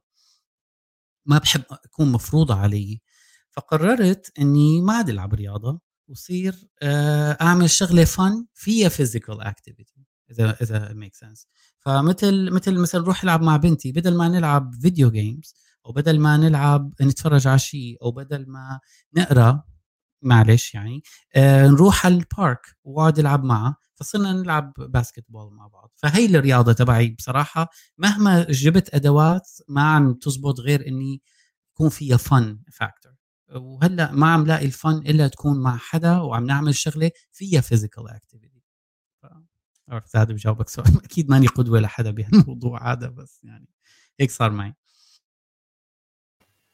طيب نجرب حظنا مع فادي ونشوف. والله هيك الاسئله اليوم صعبه كثير هلا آه، هلا يعني طبعا بدون ما نلقي اللوم على كورونا بس يعني قبل كورونا وأيام كان في نادي رياضة وهالقصص هي كانت الأمور يمكن ستراكشرد أكثر يعني. ويمكن كان فيني أنظر أكثر يعني وأقول إني واحد في الصبح بيروح على النادي وبيعمل آه، حمام وبيرجع وببلش حياته بنشاط. كانت كانت فعلا هي القصة ما هي مستحيلة وسهلة وحلوة كثير يعني. يعني عدت فترة أنا من حياتي تقريبا يمكن أكثر من سنة كانت بهي القصة. يعني إني بيجي الواحد على تقريبا على ستة ونص بروح على النادي سبعة برجع ثمانية ونص تسعة بيكون مبلش ورائعة كثير يعني فكرة إني تعمل رياضة وتاخذ دوش صباحي تبلش نهارك يعني كثير كثير حلوة. لبعد كورونا خلينا نقول وصار مشكلة بعد كورونا هلأ إنها شغلة يعني طويلة ما فينا نتحجج فيها شهر شهرين صار سنة. فالأمور to be honest ما كثير مثالية. أكثر شيء اللهم المشي والركض اللي هو بشكل دوري أو بشكل يومي. فهذا يعني هلا مثل ما قال إياد إني لازم واحد يستمتع بالشغلة. فأنا شخصيا بحاول أعمل يعني شغلتين أو مك... يعني شغلتين بنفس الوقت. يعني المشي إني بالأخير هلا بعرفه مو رياضة. يعني إذا حدا عم بيسمعني هلا بيقول المشي ما فيه. هو صحي بس ما بيعمل لا بيحرق حرارات ولا بيعمل شيء خلينا نقول يعني. اوفر بس اني اللهم اني للياقه فممكن واحد يعني يمشي ال 10 كيلو مع نشاط ثاني آه، خلينا نقول يعمله ممكن يعني يكون هذا الحل يعني. حل الباسكت بول مع البنات حلو إياد بس أنا ما تحملت مع البنات والله أشلف الطابة وجاب يعني حطيتهم بالبيت وبروح لحالي بلعب باسكت بول فأحيي يعني اسم جانب طولة البال عندك. أنا ساعة ما كملت.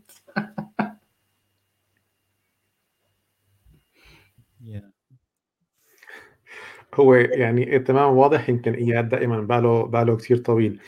آه، أنا كمان بدي كثير بدي أتشكر اللي عم يكتبوا تعليقات عم يعطوا أيضا آه، يعني نصائح أو تجارب شخصية أو آه، أمور عم تصير معهم. شكرا كثير لكم لكل اللي عم تكتبوه. يعني صعب إنه نقدر نذكره كلياته اللي أنتم عم تكتبوه لكن أنا حضران أكيد عم شوف التعليقات. وجه تحية لخالد خالد من الفريق تبع اليونيفرسيتي وأيضا كان عم يحكي عن عن تجاربه. الله يقويك يا خالد والله يقويكم كلياتكم بكل اللي أنتم عم تعملوه.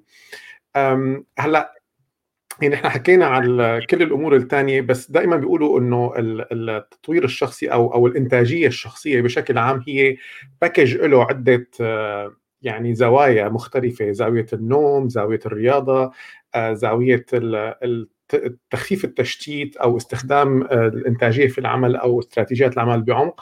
وأيضا في عنصر أخير يلي هو دائما بيقول أنت ما تأكل. فبدي اسالكم عن موضوع الأكل الصحي أو الأكل بشكل عام. هل بتتبعوا آه، استراتيجيات للطعام الصحي؟ هل في آه، أشياء بتاكلوها أشياء ما بتاكلوها؟ شو اللي بتدخلوه على البيت أو ما بتدخلوه على البيت؟ كيف يعني كيف مكملين الباكج تبع الإنتاجية تبعكم هذا التميز اللي أنتم عايشينه بحياتكم بموضوع الأكل؟ تفضل يا إياد.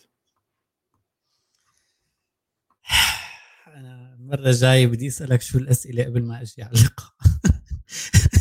لأنه هذا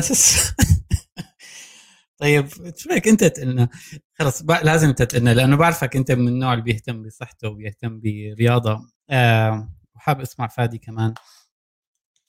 شو بدي شو بدي جاوب السؤال بطريقة تحفز غيري وما ما تيأس.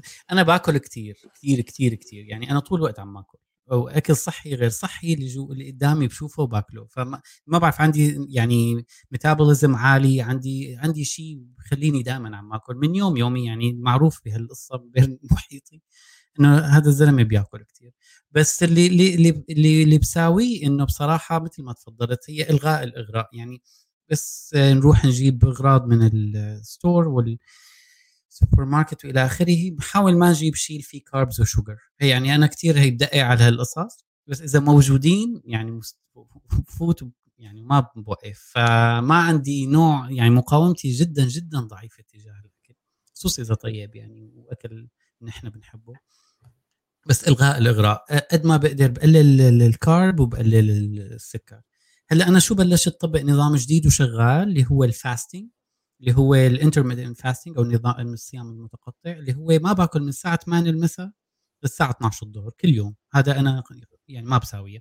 بس يا مي يا شاي يا شاي أخضر يا قهوة يا يا زهورات يا هيك شغلات. بس معلش بس ما يفو ما يكون فيها calories ما في يكون فيها شيء بخلي الواحد يبلش نظامه الهضمي. هي ساعدتني كثير إني حافظ على وزني اللي هو أنا ماني رضيان عليه أساسا أو أو ال fat percentage بس بشكل عام آه، وخلال اليوم بحاول قد ما بقدر يكون ال calories آه، يكون ال carbs وال sugar قد ما بقدر آه، غير هيك يعني لك إذا إذا صارت الشغله قدامي لازم ما بوقف.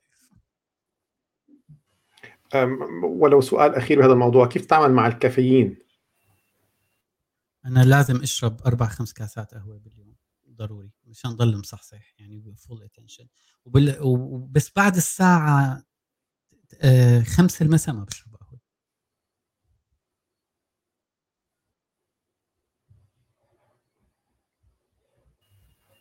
تمام. تفضل يا فادي. كلنا آذان صاغية. أنت آه، مدرسة بالطعام. بالطعام. هلا أنا يعني من زمان يمكن كان يعني من سنوات كان وزني كتير كبير. يعني من مرتبة ال 95 وكان يعني موضوع الطعام الصحي وغير الصحي ما عنده أي أولوية بالحياة من باب إني خلص إني الحياة تمشي وسعيدة.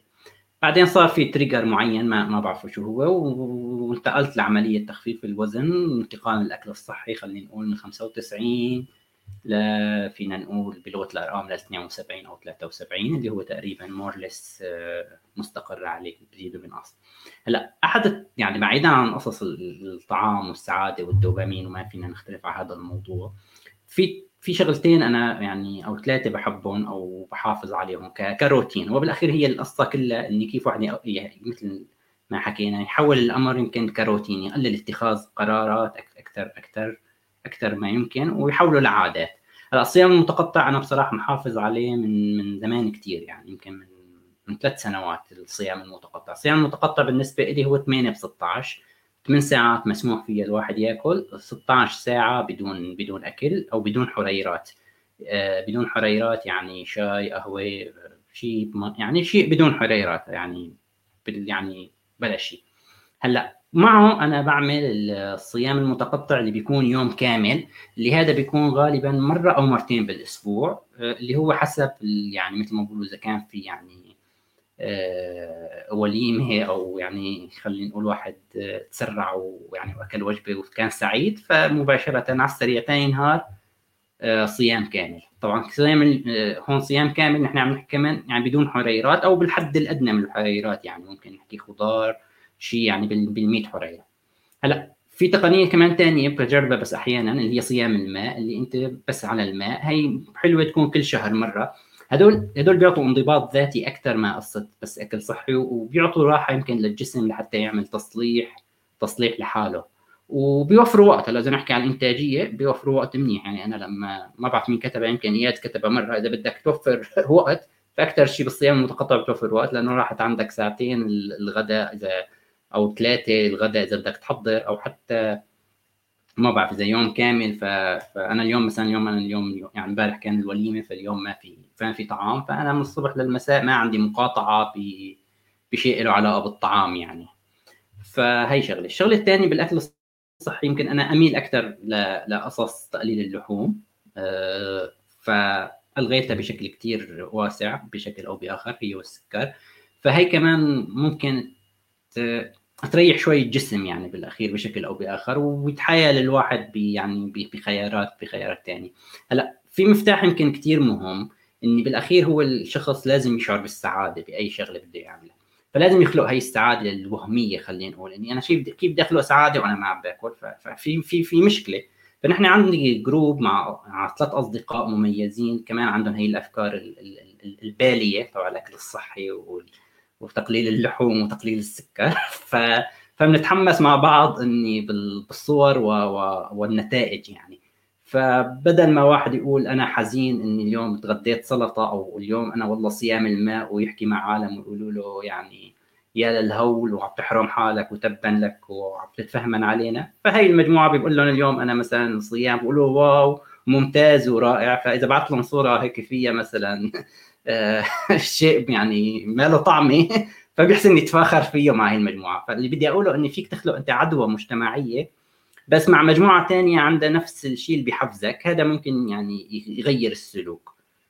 غير أنت إذا كان عندك مجموعة وعندها أفكار عكسية فأكيد ما راح آه، تكون حافز لك لحتى آه، تغير السلوك. يعني لما يعني إذا بدك تقلل السكر فبدك تنضم لمجموعة متبنيه هي الأفكار بحيث أنتم تحسنوا تستمتعوا لما تتفاخروا ان إحنا وقفنا عن السكر لثلاث أيام. بينما إذا تنضم لمجموعة بتنزل صور البقلاوة فأكيد ما راح أنت يعني تنسجم معهم وراح يكون حافز عكسي لا لا لا لك.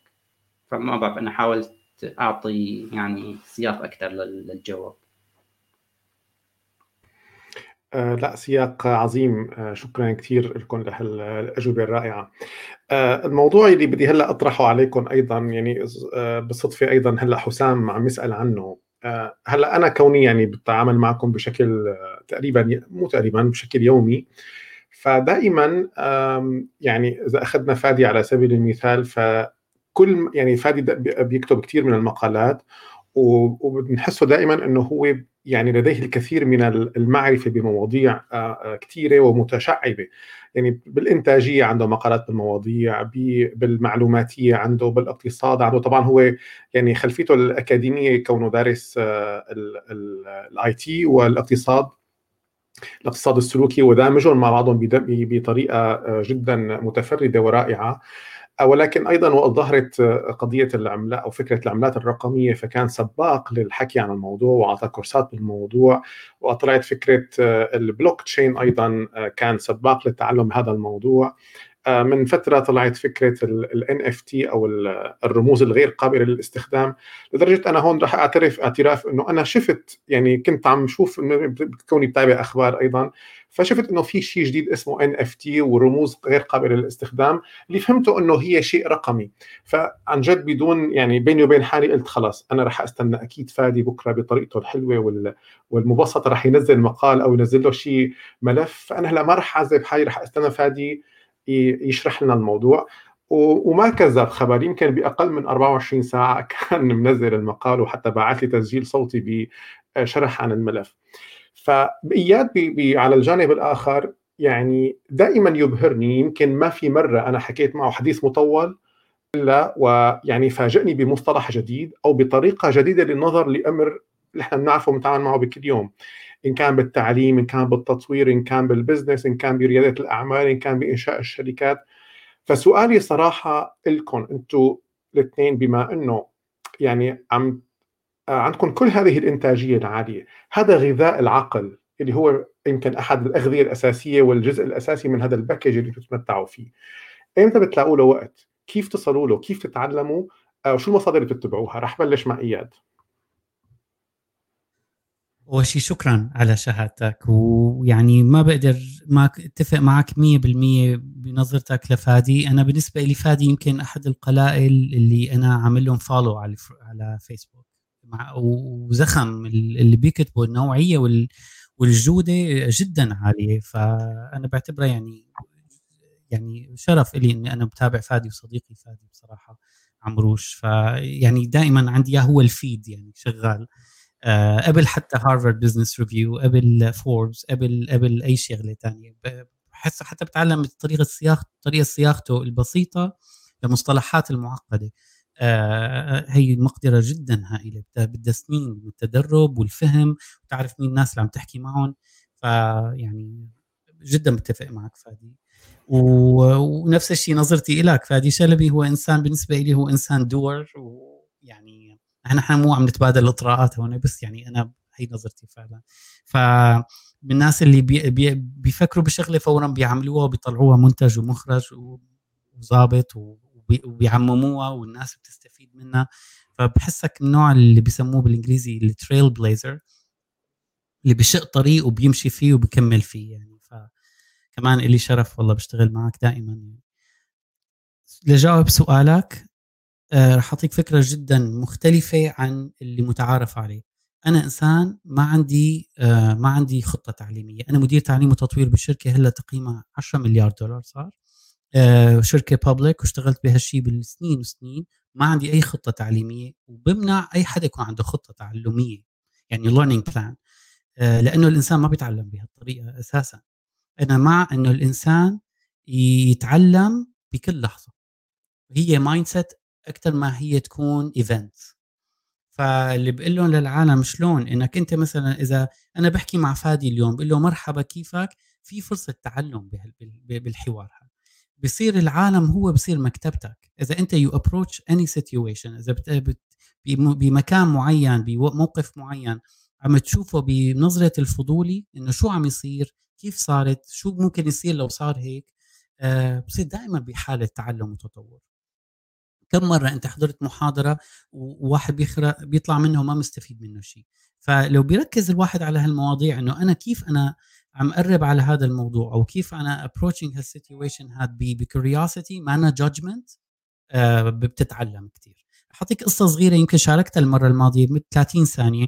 عم أحضر مؤتمر أونلاين حدا عم يحكي بموضوع بصلب اختصاصي. شاب أصغر مني يمكن ب 20 سنة. فعم يحكي بهذا الموضوع لساته طالب بالجامعة وعم يحكي ويحكي ويحكي لسه ما بلش يحكي. فأنا بدي بدي أقول أنا جاي لشوف شو عم يحكي وقديش هو بيشبه شيء اللي أنا بعرفه وقريب على الشيء اللي ال research بيحكي بينحكى عليه. إيه بعدين أخذت ال 20 ثانية اللي حكيت لكم عنها وقلت لحالي أنا هيك فعلا بدي أقضي ساعة من حياتي اقعد عم أحضر هالإنسان. بس لقيمة وشو استفدت أنا؟ فراح قررت إني آخذ step back وأقول أنا approaching ال situation كأني ما بعرف عن هالموضوع شيء دائما خلي عندك ال beginner's mind عقلية المبتدئ. هي عقلية المبتدئ راح تفيدك أكثر شيء راح يفيدك بحياتك هلأ بعالم ال VUCA هذا بيسموه ال volatility وال uncertainty وال unpredictability وهالقصص. هي يعني ما في شيء ثابت بهالحياة هو عقلية المبتدئ. تتطور بشكل اسي وليس شكل خطي. وها وفعلا كتبت ثلاث صفحات notes من وراء هذا الشخص وحكينا مع بعض سألته صرنا أصدقاء بدنا نعمل business مع بعض. فتخيل أنت شلون يعني شلون الإنسان بيتعلم بيتعلم بطريقة organic on دائما مستمرة بطريقة حيوية مو طريقة event و micro learning أكثر ما هي macro مو معناته ما تكون في عندك macro learning بس يعني إنه events تحضر course تحضر جامعة إلى آخره. بس ال micro learning هي لازم تكون السمة الغالبة على معلش اسمح لي اقاطعك مقاطعة صغيرة. بس أنت بتذكر micro macro يا ريت تشرح المصطلحين هدول.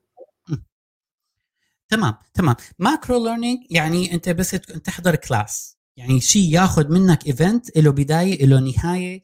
له آه، مخرج واضح عم تستثمر فيه في intentionality في في schedule في في نية آه، في structure ال micro learning إنك إذا عم تقرأ Facebook post هي micro learning أنا بس أحضر مثلا أقرأ Facebook post لحدا عم يكتبه أول ليش ال social media بتعمل depression بتعمل anxiety بتعمل هي الناس إنه بفوتوا بعقلية ال judgment أنا قبل ما افتح فيسبوك بس بحط ببالي أنا فايت أتعلم من الفيسبوك.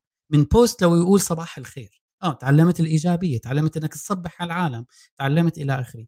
فهي هي ال micro learning هي ال moments اللي هي عبارة عن ثواني فيك تلقط منها هيك معلومات وتعبي عدادك النفسي اللي بيزيدك بيزيد لك وضوحك بيزيد لك طاقتك الإيجابية.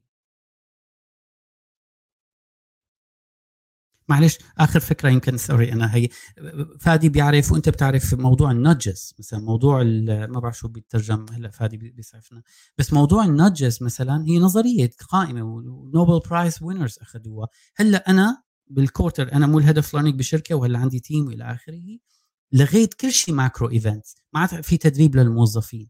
لغيت كل شيء دورات تدريبية. وقفت كل هذا الموضوع ومعتمدين quarter كامل على ال nudges كل أسبوع إذا حدا engineer بمهندس مثلا بقسم بيجي بيوم معين شغلة صارت معه قبل بيومين على بناء على إيميل منبعث لكل الشركة فيها نج معينة مدتها عبارة عن 10 ل 15 ثانية إيميل أه تحطه بال right mode وهي تكون micro learning moment فأنا حاطط جول 1000 micro learning moments ب 1 quarter هي أنا هيك يعني آه، يعني بشتغل.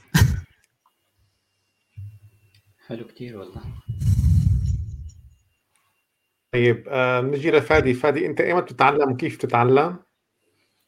تمام. لا آه خليه يعني مشان يكون الجواب يمكن مفيد أكثر من من شيء شخصي يعني خلينا نميز بين اثنين من فادي. فادي مثلا من أربع سنين وفادي فادي فادي الآن يعني. طبعا هي مرحلة التعليم دوما دائمة بس في مرحلة خلينا نقول بدك تستكشف تتعلم يعني من ما نقول من الصفر بس لكن أنت عندك يعني لازم تعرف أكثر قدر ممكن من المعلومات. اللي بوقتها أنا كانت بالنسبة لي أكثر شيء هي عملية الكتب وخاصة الكتب بالإنجليزي. هلأ بعرف موضوع القراءة بالإنجليزي يعني ما هو أمر سهل حتى أنا ما يعني ما هو سهل أقرأ بالإنجليزي. طبعا القراءة بالعربي هي اسلس لكن الفكرة إني التعرف على أفكار الكاتب بلغته الأم تعطي للأمانة بعد كثير كبير للموضوع. يعني تفهم فعلا ليش هو كتب هذا الموضوع. فأعطيت وقت كثير كبير للكتب آه، أحاديث تيد آه، اللي هي بسيطة شغل 20 دقيقة بتعطي أفكار. هي كانت المراحل اللي كنت أعتبرها جزء من الفن بصراحة. خلينا نكون صريحين هلا التعلم أو التعليم أو القراءة يعني هي بدها تعبي فراغ ثاني فهلأ بدون مثاليات آه، قد أعتقد إني يعني كأشخاص مثلي مثلا ممكن هو بيستمتع كثير لما بيقعد يشوف تيد يعني. بعرف إن هذا الشيء ممتع للكل يعني. أنا لما كنا نقعد أنا وزوجتي من ثلاث أربع سنين تخيل العالم تقعد لتشوف بريكنج باد وأنت قاعد حاطط زوجتك والله نتفرج والله حديث تيد حلو لكن روبنسون ذا اليمنت فيعني ما ما فينا نقول إن هي العملية هي الكل بيستمتع فيها. ف ف ف ففي شيء شخصي اني إني واحد يحوله لمتعة أو يستمتع فيه. وهو مضطر يعني أنا بالنسبة لي مو بس فقط متعة ولكن أنت مضطر لازم تقرأ هاي القصص لحتى تبني عليها لقدام. هلا هي من الفترة الماضية. هلا الفترة الجديدة خلينا نقول بس لا تجيب مصادر. أنت سألت سؤال كثير حلو فادي يمكن إياد كمان. كيف تلاقي المصادر؟ آه، يمكن أنا بدي آخذ كلمة من ما قالها يمكن إياد هو يمكن قصده عليها. تاخذ keyword من ال social media. أنا بيهمني آخذ keyword ف كيف بدي آخذ keyword لما بحيط حالي بالناس اللي عم تعطي keyword وبتعطيني مصادر صحيحة. بصراحة هذا الشيء بشوفه بتويتر أكثر أو بتليجرام مو بالفيسبوك. بالفيسبوك يمكن لأنه النمط العام هو العالم بدها تدخل تفضفض تتفاخر تزعج بعض. بالنسبة لي يعني الفيسبوك بدخل بزعج العالم يعني بس أكثر يعني عم بحكي على صفحتي الشخصية.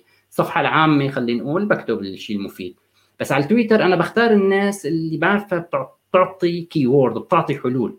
يعني أنا بعرف لما بدي وحلاوة التويتر تعمل follow للي بدك إياه وحتى بتحكي معه وبيرد عليك. فباخذ منهم keyword أو باخذ منهم نصائح لمقالات وبتاخذ يعني بتوفر كثير وقت لتعرف تقرأ المصدر اللي اللي بدك إياه. التليجرام نفس الأمر في مجموعات كثيره حسب الشيء الواحد بده إياه بيلاقي فيها تخصصات أو بيلاقي فيها شيء بنحكى قبل ما يحكوه غيره. فيمكن اللعبة الأساسية هي شغلتين ال keyword والمصدر اللي الموثوق. لأنه طبعا مشكلة أنا إذا بدي أتعلم عن ال NFT مثلا لاكتب عنها مقالة فأنا إذا وصلت لمصدر آه عم بيقول عنا شيء يعني توصيف غلط أو عم بشرحها بشكل غلط فأنا ما تعلمت تعلمت غلط. فأنا بدي الشخص اللي عم بتابعه اللي بعرفه آه خلينا نقول فهيم بهي المواضيع لما بيعمل link أو بيعمل recommendation فأنا شفت الفيديو اللي هو عمل له recommendation ل 10 minutes فهي 10 minutes تعادل أربع ساعات خلينا نقول لشخص ثاني بده يعمل بحث ليصل لهذا الفيديو. هي ال network سواء مجموعات واتساب سواء تليجرام سواء تويتر هي بصراحة يمكن المفتاح لحتى الواحد يتعلم مع مع إنتاجية. فأنا بعرف مثلا إياد لما بيعطيني رابط أو بيبعث لي أحيانا على الإيميل أو على الواتساب فأنا عندي source عم بيوفر بعرف اني إياد أخذ معه ساعتين وثلاثة لوصل على هذا ال link فأنا اجاني جاهز. نفس الشيء آه، لما بتبعت لي أنت مقالات أو بتبعت لي نصيحة لكتاب فأنا هون عم بحرق خلينا نقول مراحل البحث بشكل أو بآخر. مرحلة البحث يمكن أعتقد هي أكبر مرحلة تستهلك العالم. أنا من زمان ممكن حتى الآن إذا بدي أبحث على أفضل معلومة أو صحة معلومة فبتأخذ مني ساعات. بس بعدين اكتشفت إن يمكن الأقوى بدل ما واحد يستمتع وهو عم يبحث يوصل حاله مع خبراء تعطيه نتيجة بحثهم. فما بعرف هذا الشيء هو عم بيستغلهم ولا لا بس انه بحثوا وطلع معه النتيجه وأعطوه أفضل recommendation فهو هيك بيكون يعني خلينا نقول راكم ساعات ساعات آه، آه، من غيره. طبعا إذا كانوا هن الأشخاص خلينا نقول الصح. هذا الشيء يعني يمكن ما بين networking ما بين تليجرام. آه، ما بين تويتر ممكن واحد يلاقي كثير كثير قصص.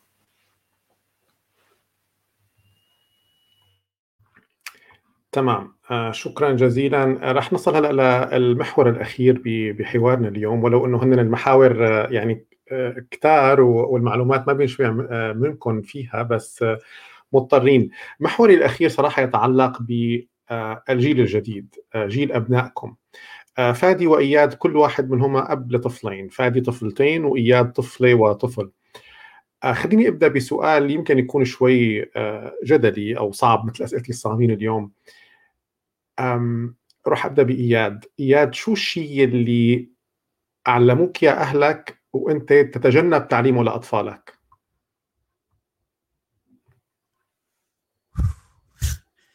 هذا السؤال مرسب. أو منزه. صراحة آه، إني أقول لهم شيء. يعني أقول لهم أعطيهم أحكي أحاكيهم ب إنه شو يساووا. إلا إذا امور لها علاقة ب بالمرحله العمرية اللي مستحيل يقدروا اللي لها علاقة بصحتهم أو أو أو استمرارهم بهالحياة. غير هيك قد ما بقدر بحاول اتجنب أقول لهم شو يساووا. هلأ طبعا طفلي عمره سنة بس البنتي عمرها 8 سنوات هذا أخطر عمر ابدا. يعني هذا عمر. عمر تكوين قناعات. بلشت تكبر قناعاته الإنسان بهالعمر. آه بحاول قدر قدر الإمكان. هي ساعدتني ال coaching لهيك أنا يعني رسالتي بالحياة إنه أعمل coaching as skill مو ك as function أو أو profession إنك أنت تسأل الشخص اللي قدامك هي لحالها تقلب العلاقة الأسرية 180 درجة. قد ما بتقدر يعني إذا بتجيني مثلا بنتي بتقول لي في عندي مشكلة بالمدرسة كثير سهله علي إلا شو تساوي. هلأ ما عاد عملت هذا الموضوع صار لي أشهر عم حاول أسألها كم سؤال بطريقة واضحة وطريقة منظمة هي لحالها تعرف شو هو الجواب. أنا عم ببني لها ال mental toughness وعم ببني لها ال resilience وعم ببني لها ال inner resources عندها جواتها بعقلها ونفسيتها حتى تقدر تتدرب على هذا الموضوع. أنا هذا هذا بتخيل بتخيل يعني تعلمته أنا أبي وأمي يعني أكاديميين مدرسين. آه شيء طبيعي يكون عندهم ميل إنه يعطوا معلومة آه محتوى لأن عندهم محتوى كثير فهذا الشيء لحالي embedded عندي أنا كمان اكاديمي وبدرس بالجامعة آه وقفت هلأ ولساتني بالدكتوراه والبحث. سهل إنه اللي عنده محتوى يكون عنده ميل يشارك المحتوى. فكتير صعب عليه إنه يسأل كتير صعب. فبالتالي هون أنا حاولت إنه يكون عقلية اللي عم يسأل اتدرب عليها إنه بحيث يساعد البنتي إنه إنه تكبر تكبر عضلة التفكير والاعتماد على النفس بمصادرها.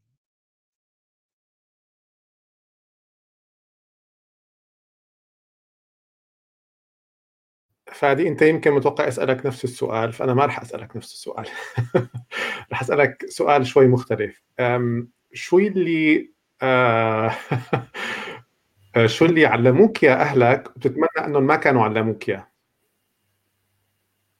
أنا أهلي اولا عم بيشوفوا المقابلة. by the way فأنا يمكن القصة بعيدا يعني مشان ما نلعب بمغالطات بعرف أي الاسئله ممكن تقود لمغالطات منطقية بشكل أو بآخر. كل جيل طبعا كان يعني هو بيختار الأفضل حسب ال resources اللي كانت عنده. وطبعا نحن هلأ ولو نحن عم نحاول نختار الأفضل كمان حسب ال resources اللي عندنا. بس أنا يمكن في شخص شغلتين بعالم التربية بعطيهم أولوية. ما بعرف صح ولا لأ طبعا هذا شيء شخصي. الأول هو تعليم ال ال يعني اللي ما تعلمناه يمكن قبل مواضيع الحرية المالية أو التعامل مع خلينا نقول عالم الأعمال أو أو النقود بشكل أو بآخر. طبعا لأنه من زمان أصلا ما في شيء يعني ما في شيء له علاقة بالحرية المالية فأكيد ما تعلمناه. فهذا يمكن بركز عليه إذا بدنا نقارن يعني كجواب شو الشيء اللي ما تعلمته بدك تعلمه. وإذا يعني حاولنا يعني نطلع بس من خلينا نقول إن إحنا في شغلات ما تعلمناها لأنه أصلا ما كانت موجودة فما شرط نحن ننقلها بنفس بنفس القصة للجيل الجديد. يعني إحنا في شغلات ما تعلمناها لأنه ما كان موجود بالبيئة خلينا نقول. فهلأ التسارع بيصير أكثر فممكن واحد يعمل يعني يعطيها أولوية.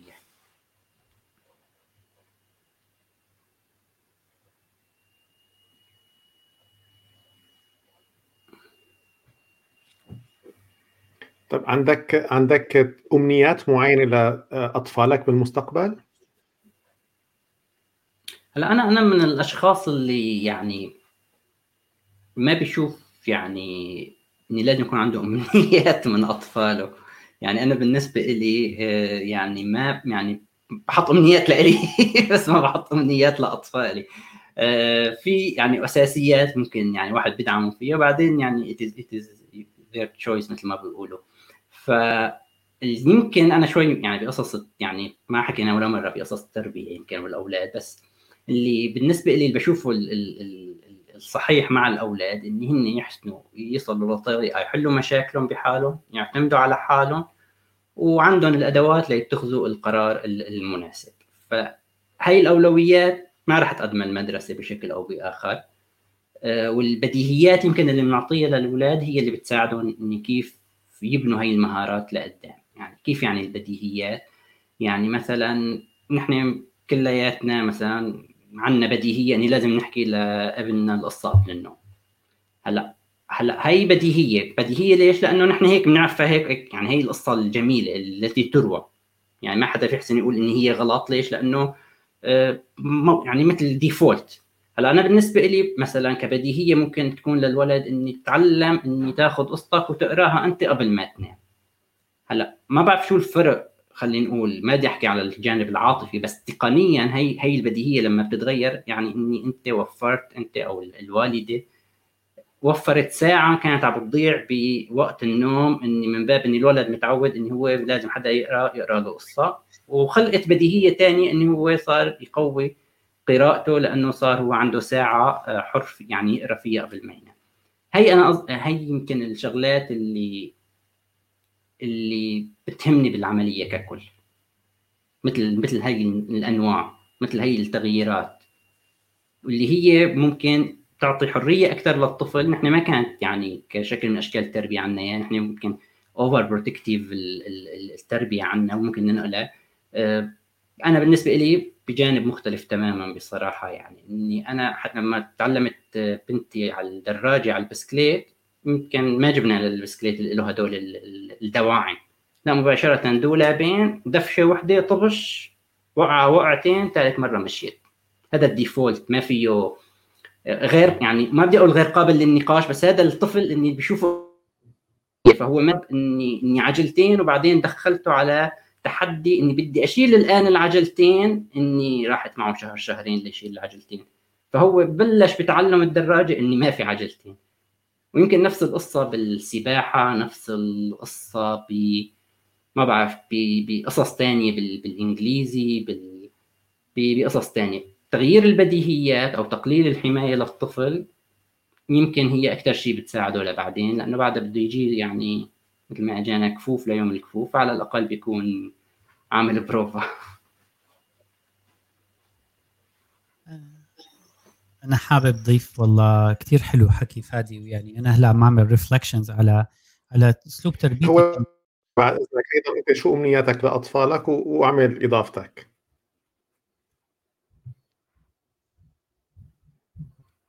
ويمكن تاخير عم يعمل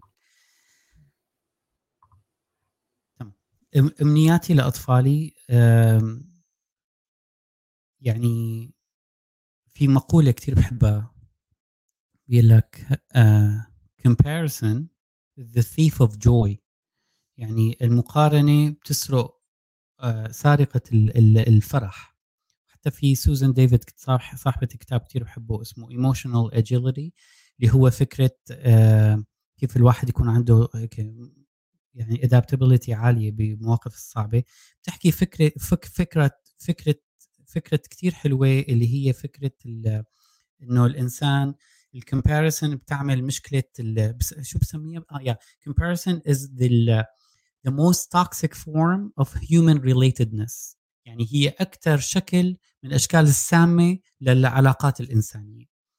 فإذا في شيء أنا يعني بنصح حالي وبنصح أي حدا من الأهل وأنا يعني ما بنصحها كثير قد ما هو ما عم نعمل ريفلكشنز هون إنه ما تقللوا مقارنات قد ما بتقدروا قللوا مقارنات لأنه بصير الإنسان بكبر عضلة المقارنة باللاوعي وبصير كثير صعب عليه يقيس نجاحه بأسلوب سليم وصحي بصير يقيس نجاحه بناء على نجاح غيره أو فشله إلى آخره. فإذا بتمنى لهم شغلة يعني بقيس نجاح بنتي وأنا محاول أستثمر بهذا الموضوع إنه تقيس نجاحها إنه هي امبارح شو عملت مو إنه غيرها شو عمل.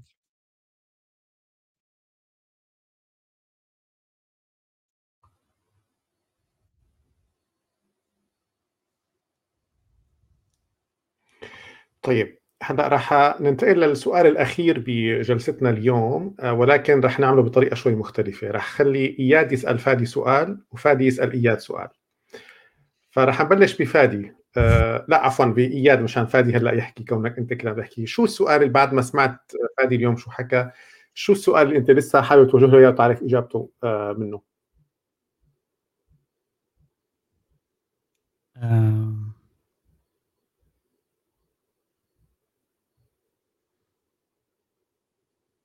بشكل عام ولا عن طريق على موضوع الأطفال؟ لا بشكل عام. هي بعد مقابلتنا كلياتها إنه آه، إذا في شيء بتحب تسأله لسه فادي حابب تعرف عنه شيء من أساليب إنتاجيته أو أطفاله فتفضل. يا طبعا. آه أنا وقت الانتقام. لا آه هداك منك فادي شلبي جاي جاي شي يوم هيك حضر لك كل سؤال دسم أكثر من الثاني. آه فادي عمروش فادي عمروش سؤالي إلك. إذا بيرجع الزمن فيك شو بتقول؟ سؤال شقين خلص. أنا هو سؤال شقين ففيني أسأله. شو فادي عمروش 2022 مارس 2022 رح يقول لفادي عمروش اليوم؟ وشو فادي عمروش اليوم بيقول لفادي عمروش آه وقت ما كان عمره 21 سنة. لك أنا شو مفكرين؟ أسئلتك أصعب.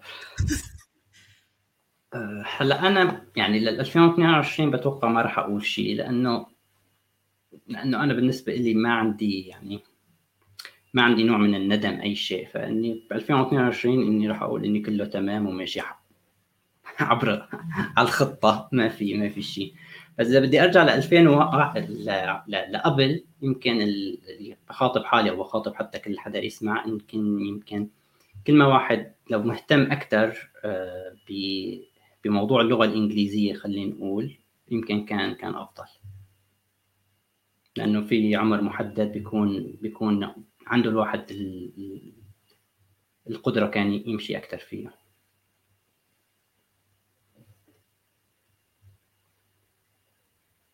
في 2022 بقول له لفادي ترقبنا في جنيف مع فادي واياد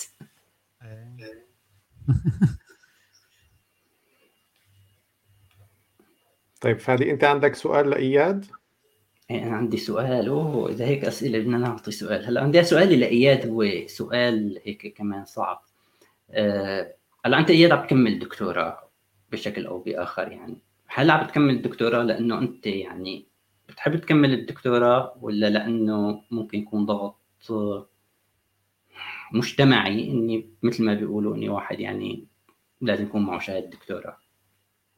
يعني مقارنة مع المسار المهني اللي أنا شايفه رائع كثير ما بعرف إذا هو ينقصه دكتوراه ولا لا. عم بحكي كمراقب خارجي. طبعا طبعا. سؤال كثير حلو. لك بصراحة أنا بلشت الدكتوراه من 2016 فصار القصة خمس سنوات. آه، باخذ مادة واحدة بلك... ما بعرف اللي بيعرفوا بالدكتوراه بأمريكا. الدكتوراه on average بتاخذ خمس سنوات. آه، أول سنتين إلى ثلاثة بتاخذ مواد بعدين بتركز على ال thesis تبعك آه، الدكتوراه تبعي هي دكتوراه بجامعة بسان فرانسيسكو. جامعة الاختصاص فيها اختصاص رائع اللي هو ال education أنا اختصاصي education تركيز على مؤسسات وبركز على موضوع ال women of color كثير موضوع النساء في في بيئة العمل وكيف بيحصلوا على meaningful learning meaningful education meaningful learning meaningful work و meaningful coaching. هذا اللي عم ركز عليه.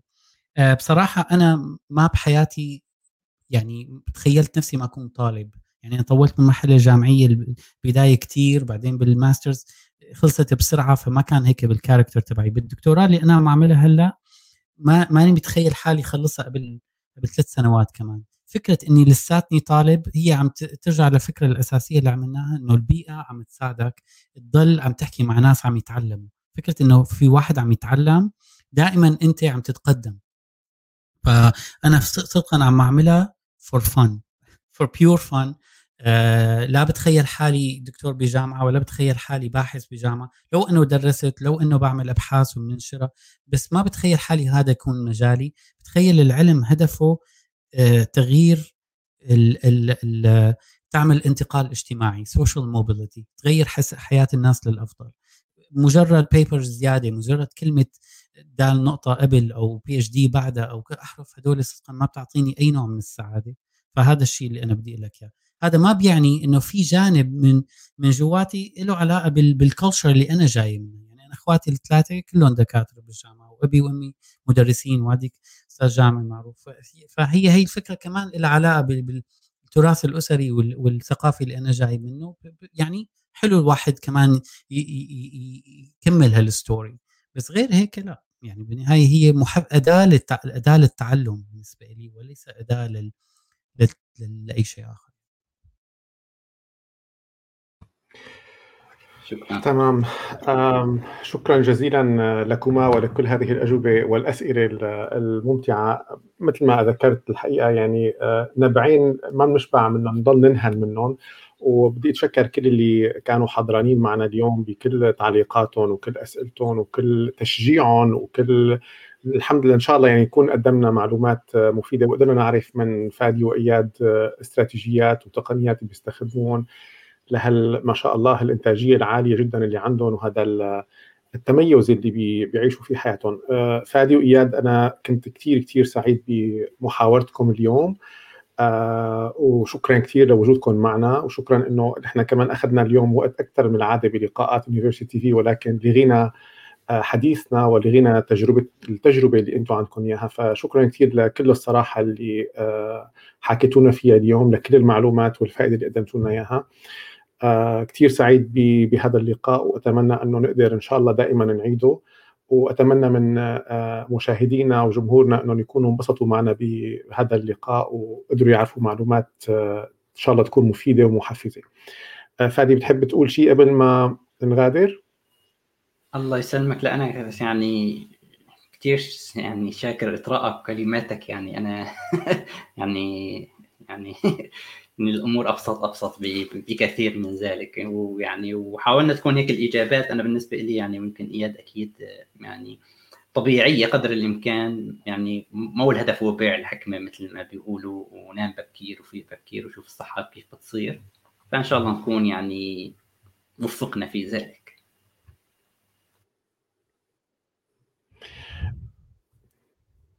هلا انت ذكرت انه هي ببساطة ولكن خليني أقول مقولة انت دائما بتقولها ما ما تراه أنت بسيطا ممكن أن يكون مذهلا للآخرين. فأنت بجوز بالنسبة لك هن بسيطين بس نحن حقيقة نراهم مذهلين. إياد بتحب تقول شيء قبل ما نغادر؟ آه بحب كثير شغلات. يعني أنا هلأ حاسس حالي هلأ بدي فوت على اللقاء مو طالع من اللقاء. فشكرا لك فادي عمروش على مشاركتك معلومات كثيرة. يعني أنا رح أرجع أحضر اللقاء بعين اللي عم يتعلم لأنه في شغلات أنت ذكرتها لازم أخذ وراها notes وكثير حلوة. وشكر لك فادي شلبي لأنه أنت دائما يعني عم تستثمر بال system والناس اللي بيستثمروا بال system هدول عالم. يعني هدول اللي فعلا بيعملوا تغير حقيقي على مستوى عالي وهيك you scale ال impact بصراحه هيك أنت بتكبر الأثر على المجتمعات. فبشكرك على على عقليتك وبشكرك على تواضعك. أنت المفروض الناس تسألك وتقابلك. فاخذ دور اللي عم يسأل هذا يعني بيعبر عن عن إخلاصك للشيء اللي عم تعمله. فشكرا لك مرة ثانية وإلى لقاءات مثل هيك إن شاء الله بالمستقبل. إن شاء الله. تسلم إياد وتسلم فادي. شكرا كثير وشكرا لكل اللي موجودين معنا. ونتمنى نلتقي فيكم إن شاء الله الأسبوع المقبل. عطلة سعيدة وإلى اللقاء.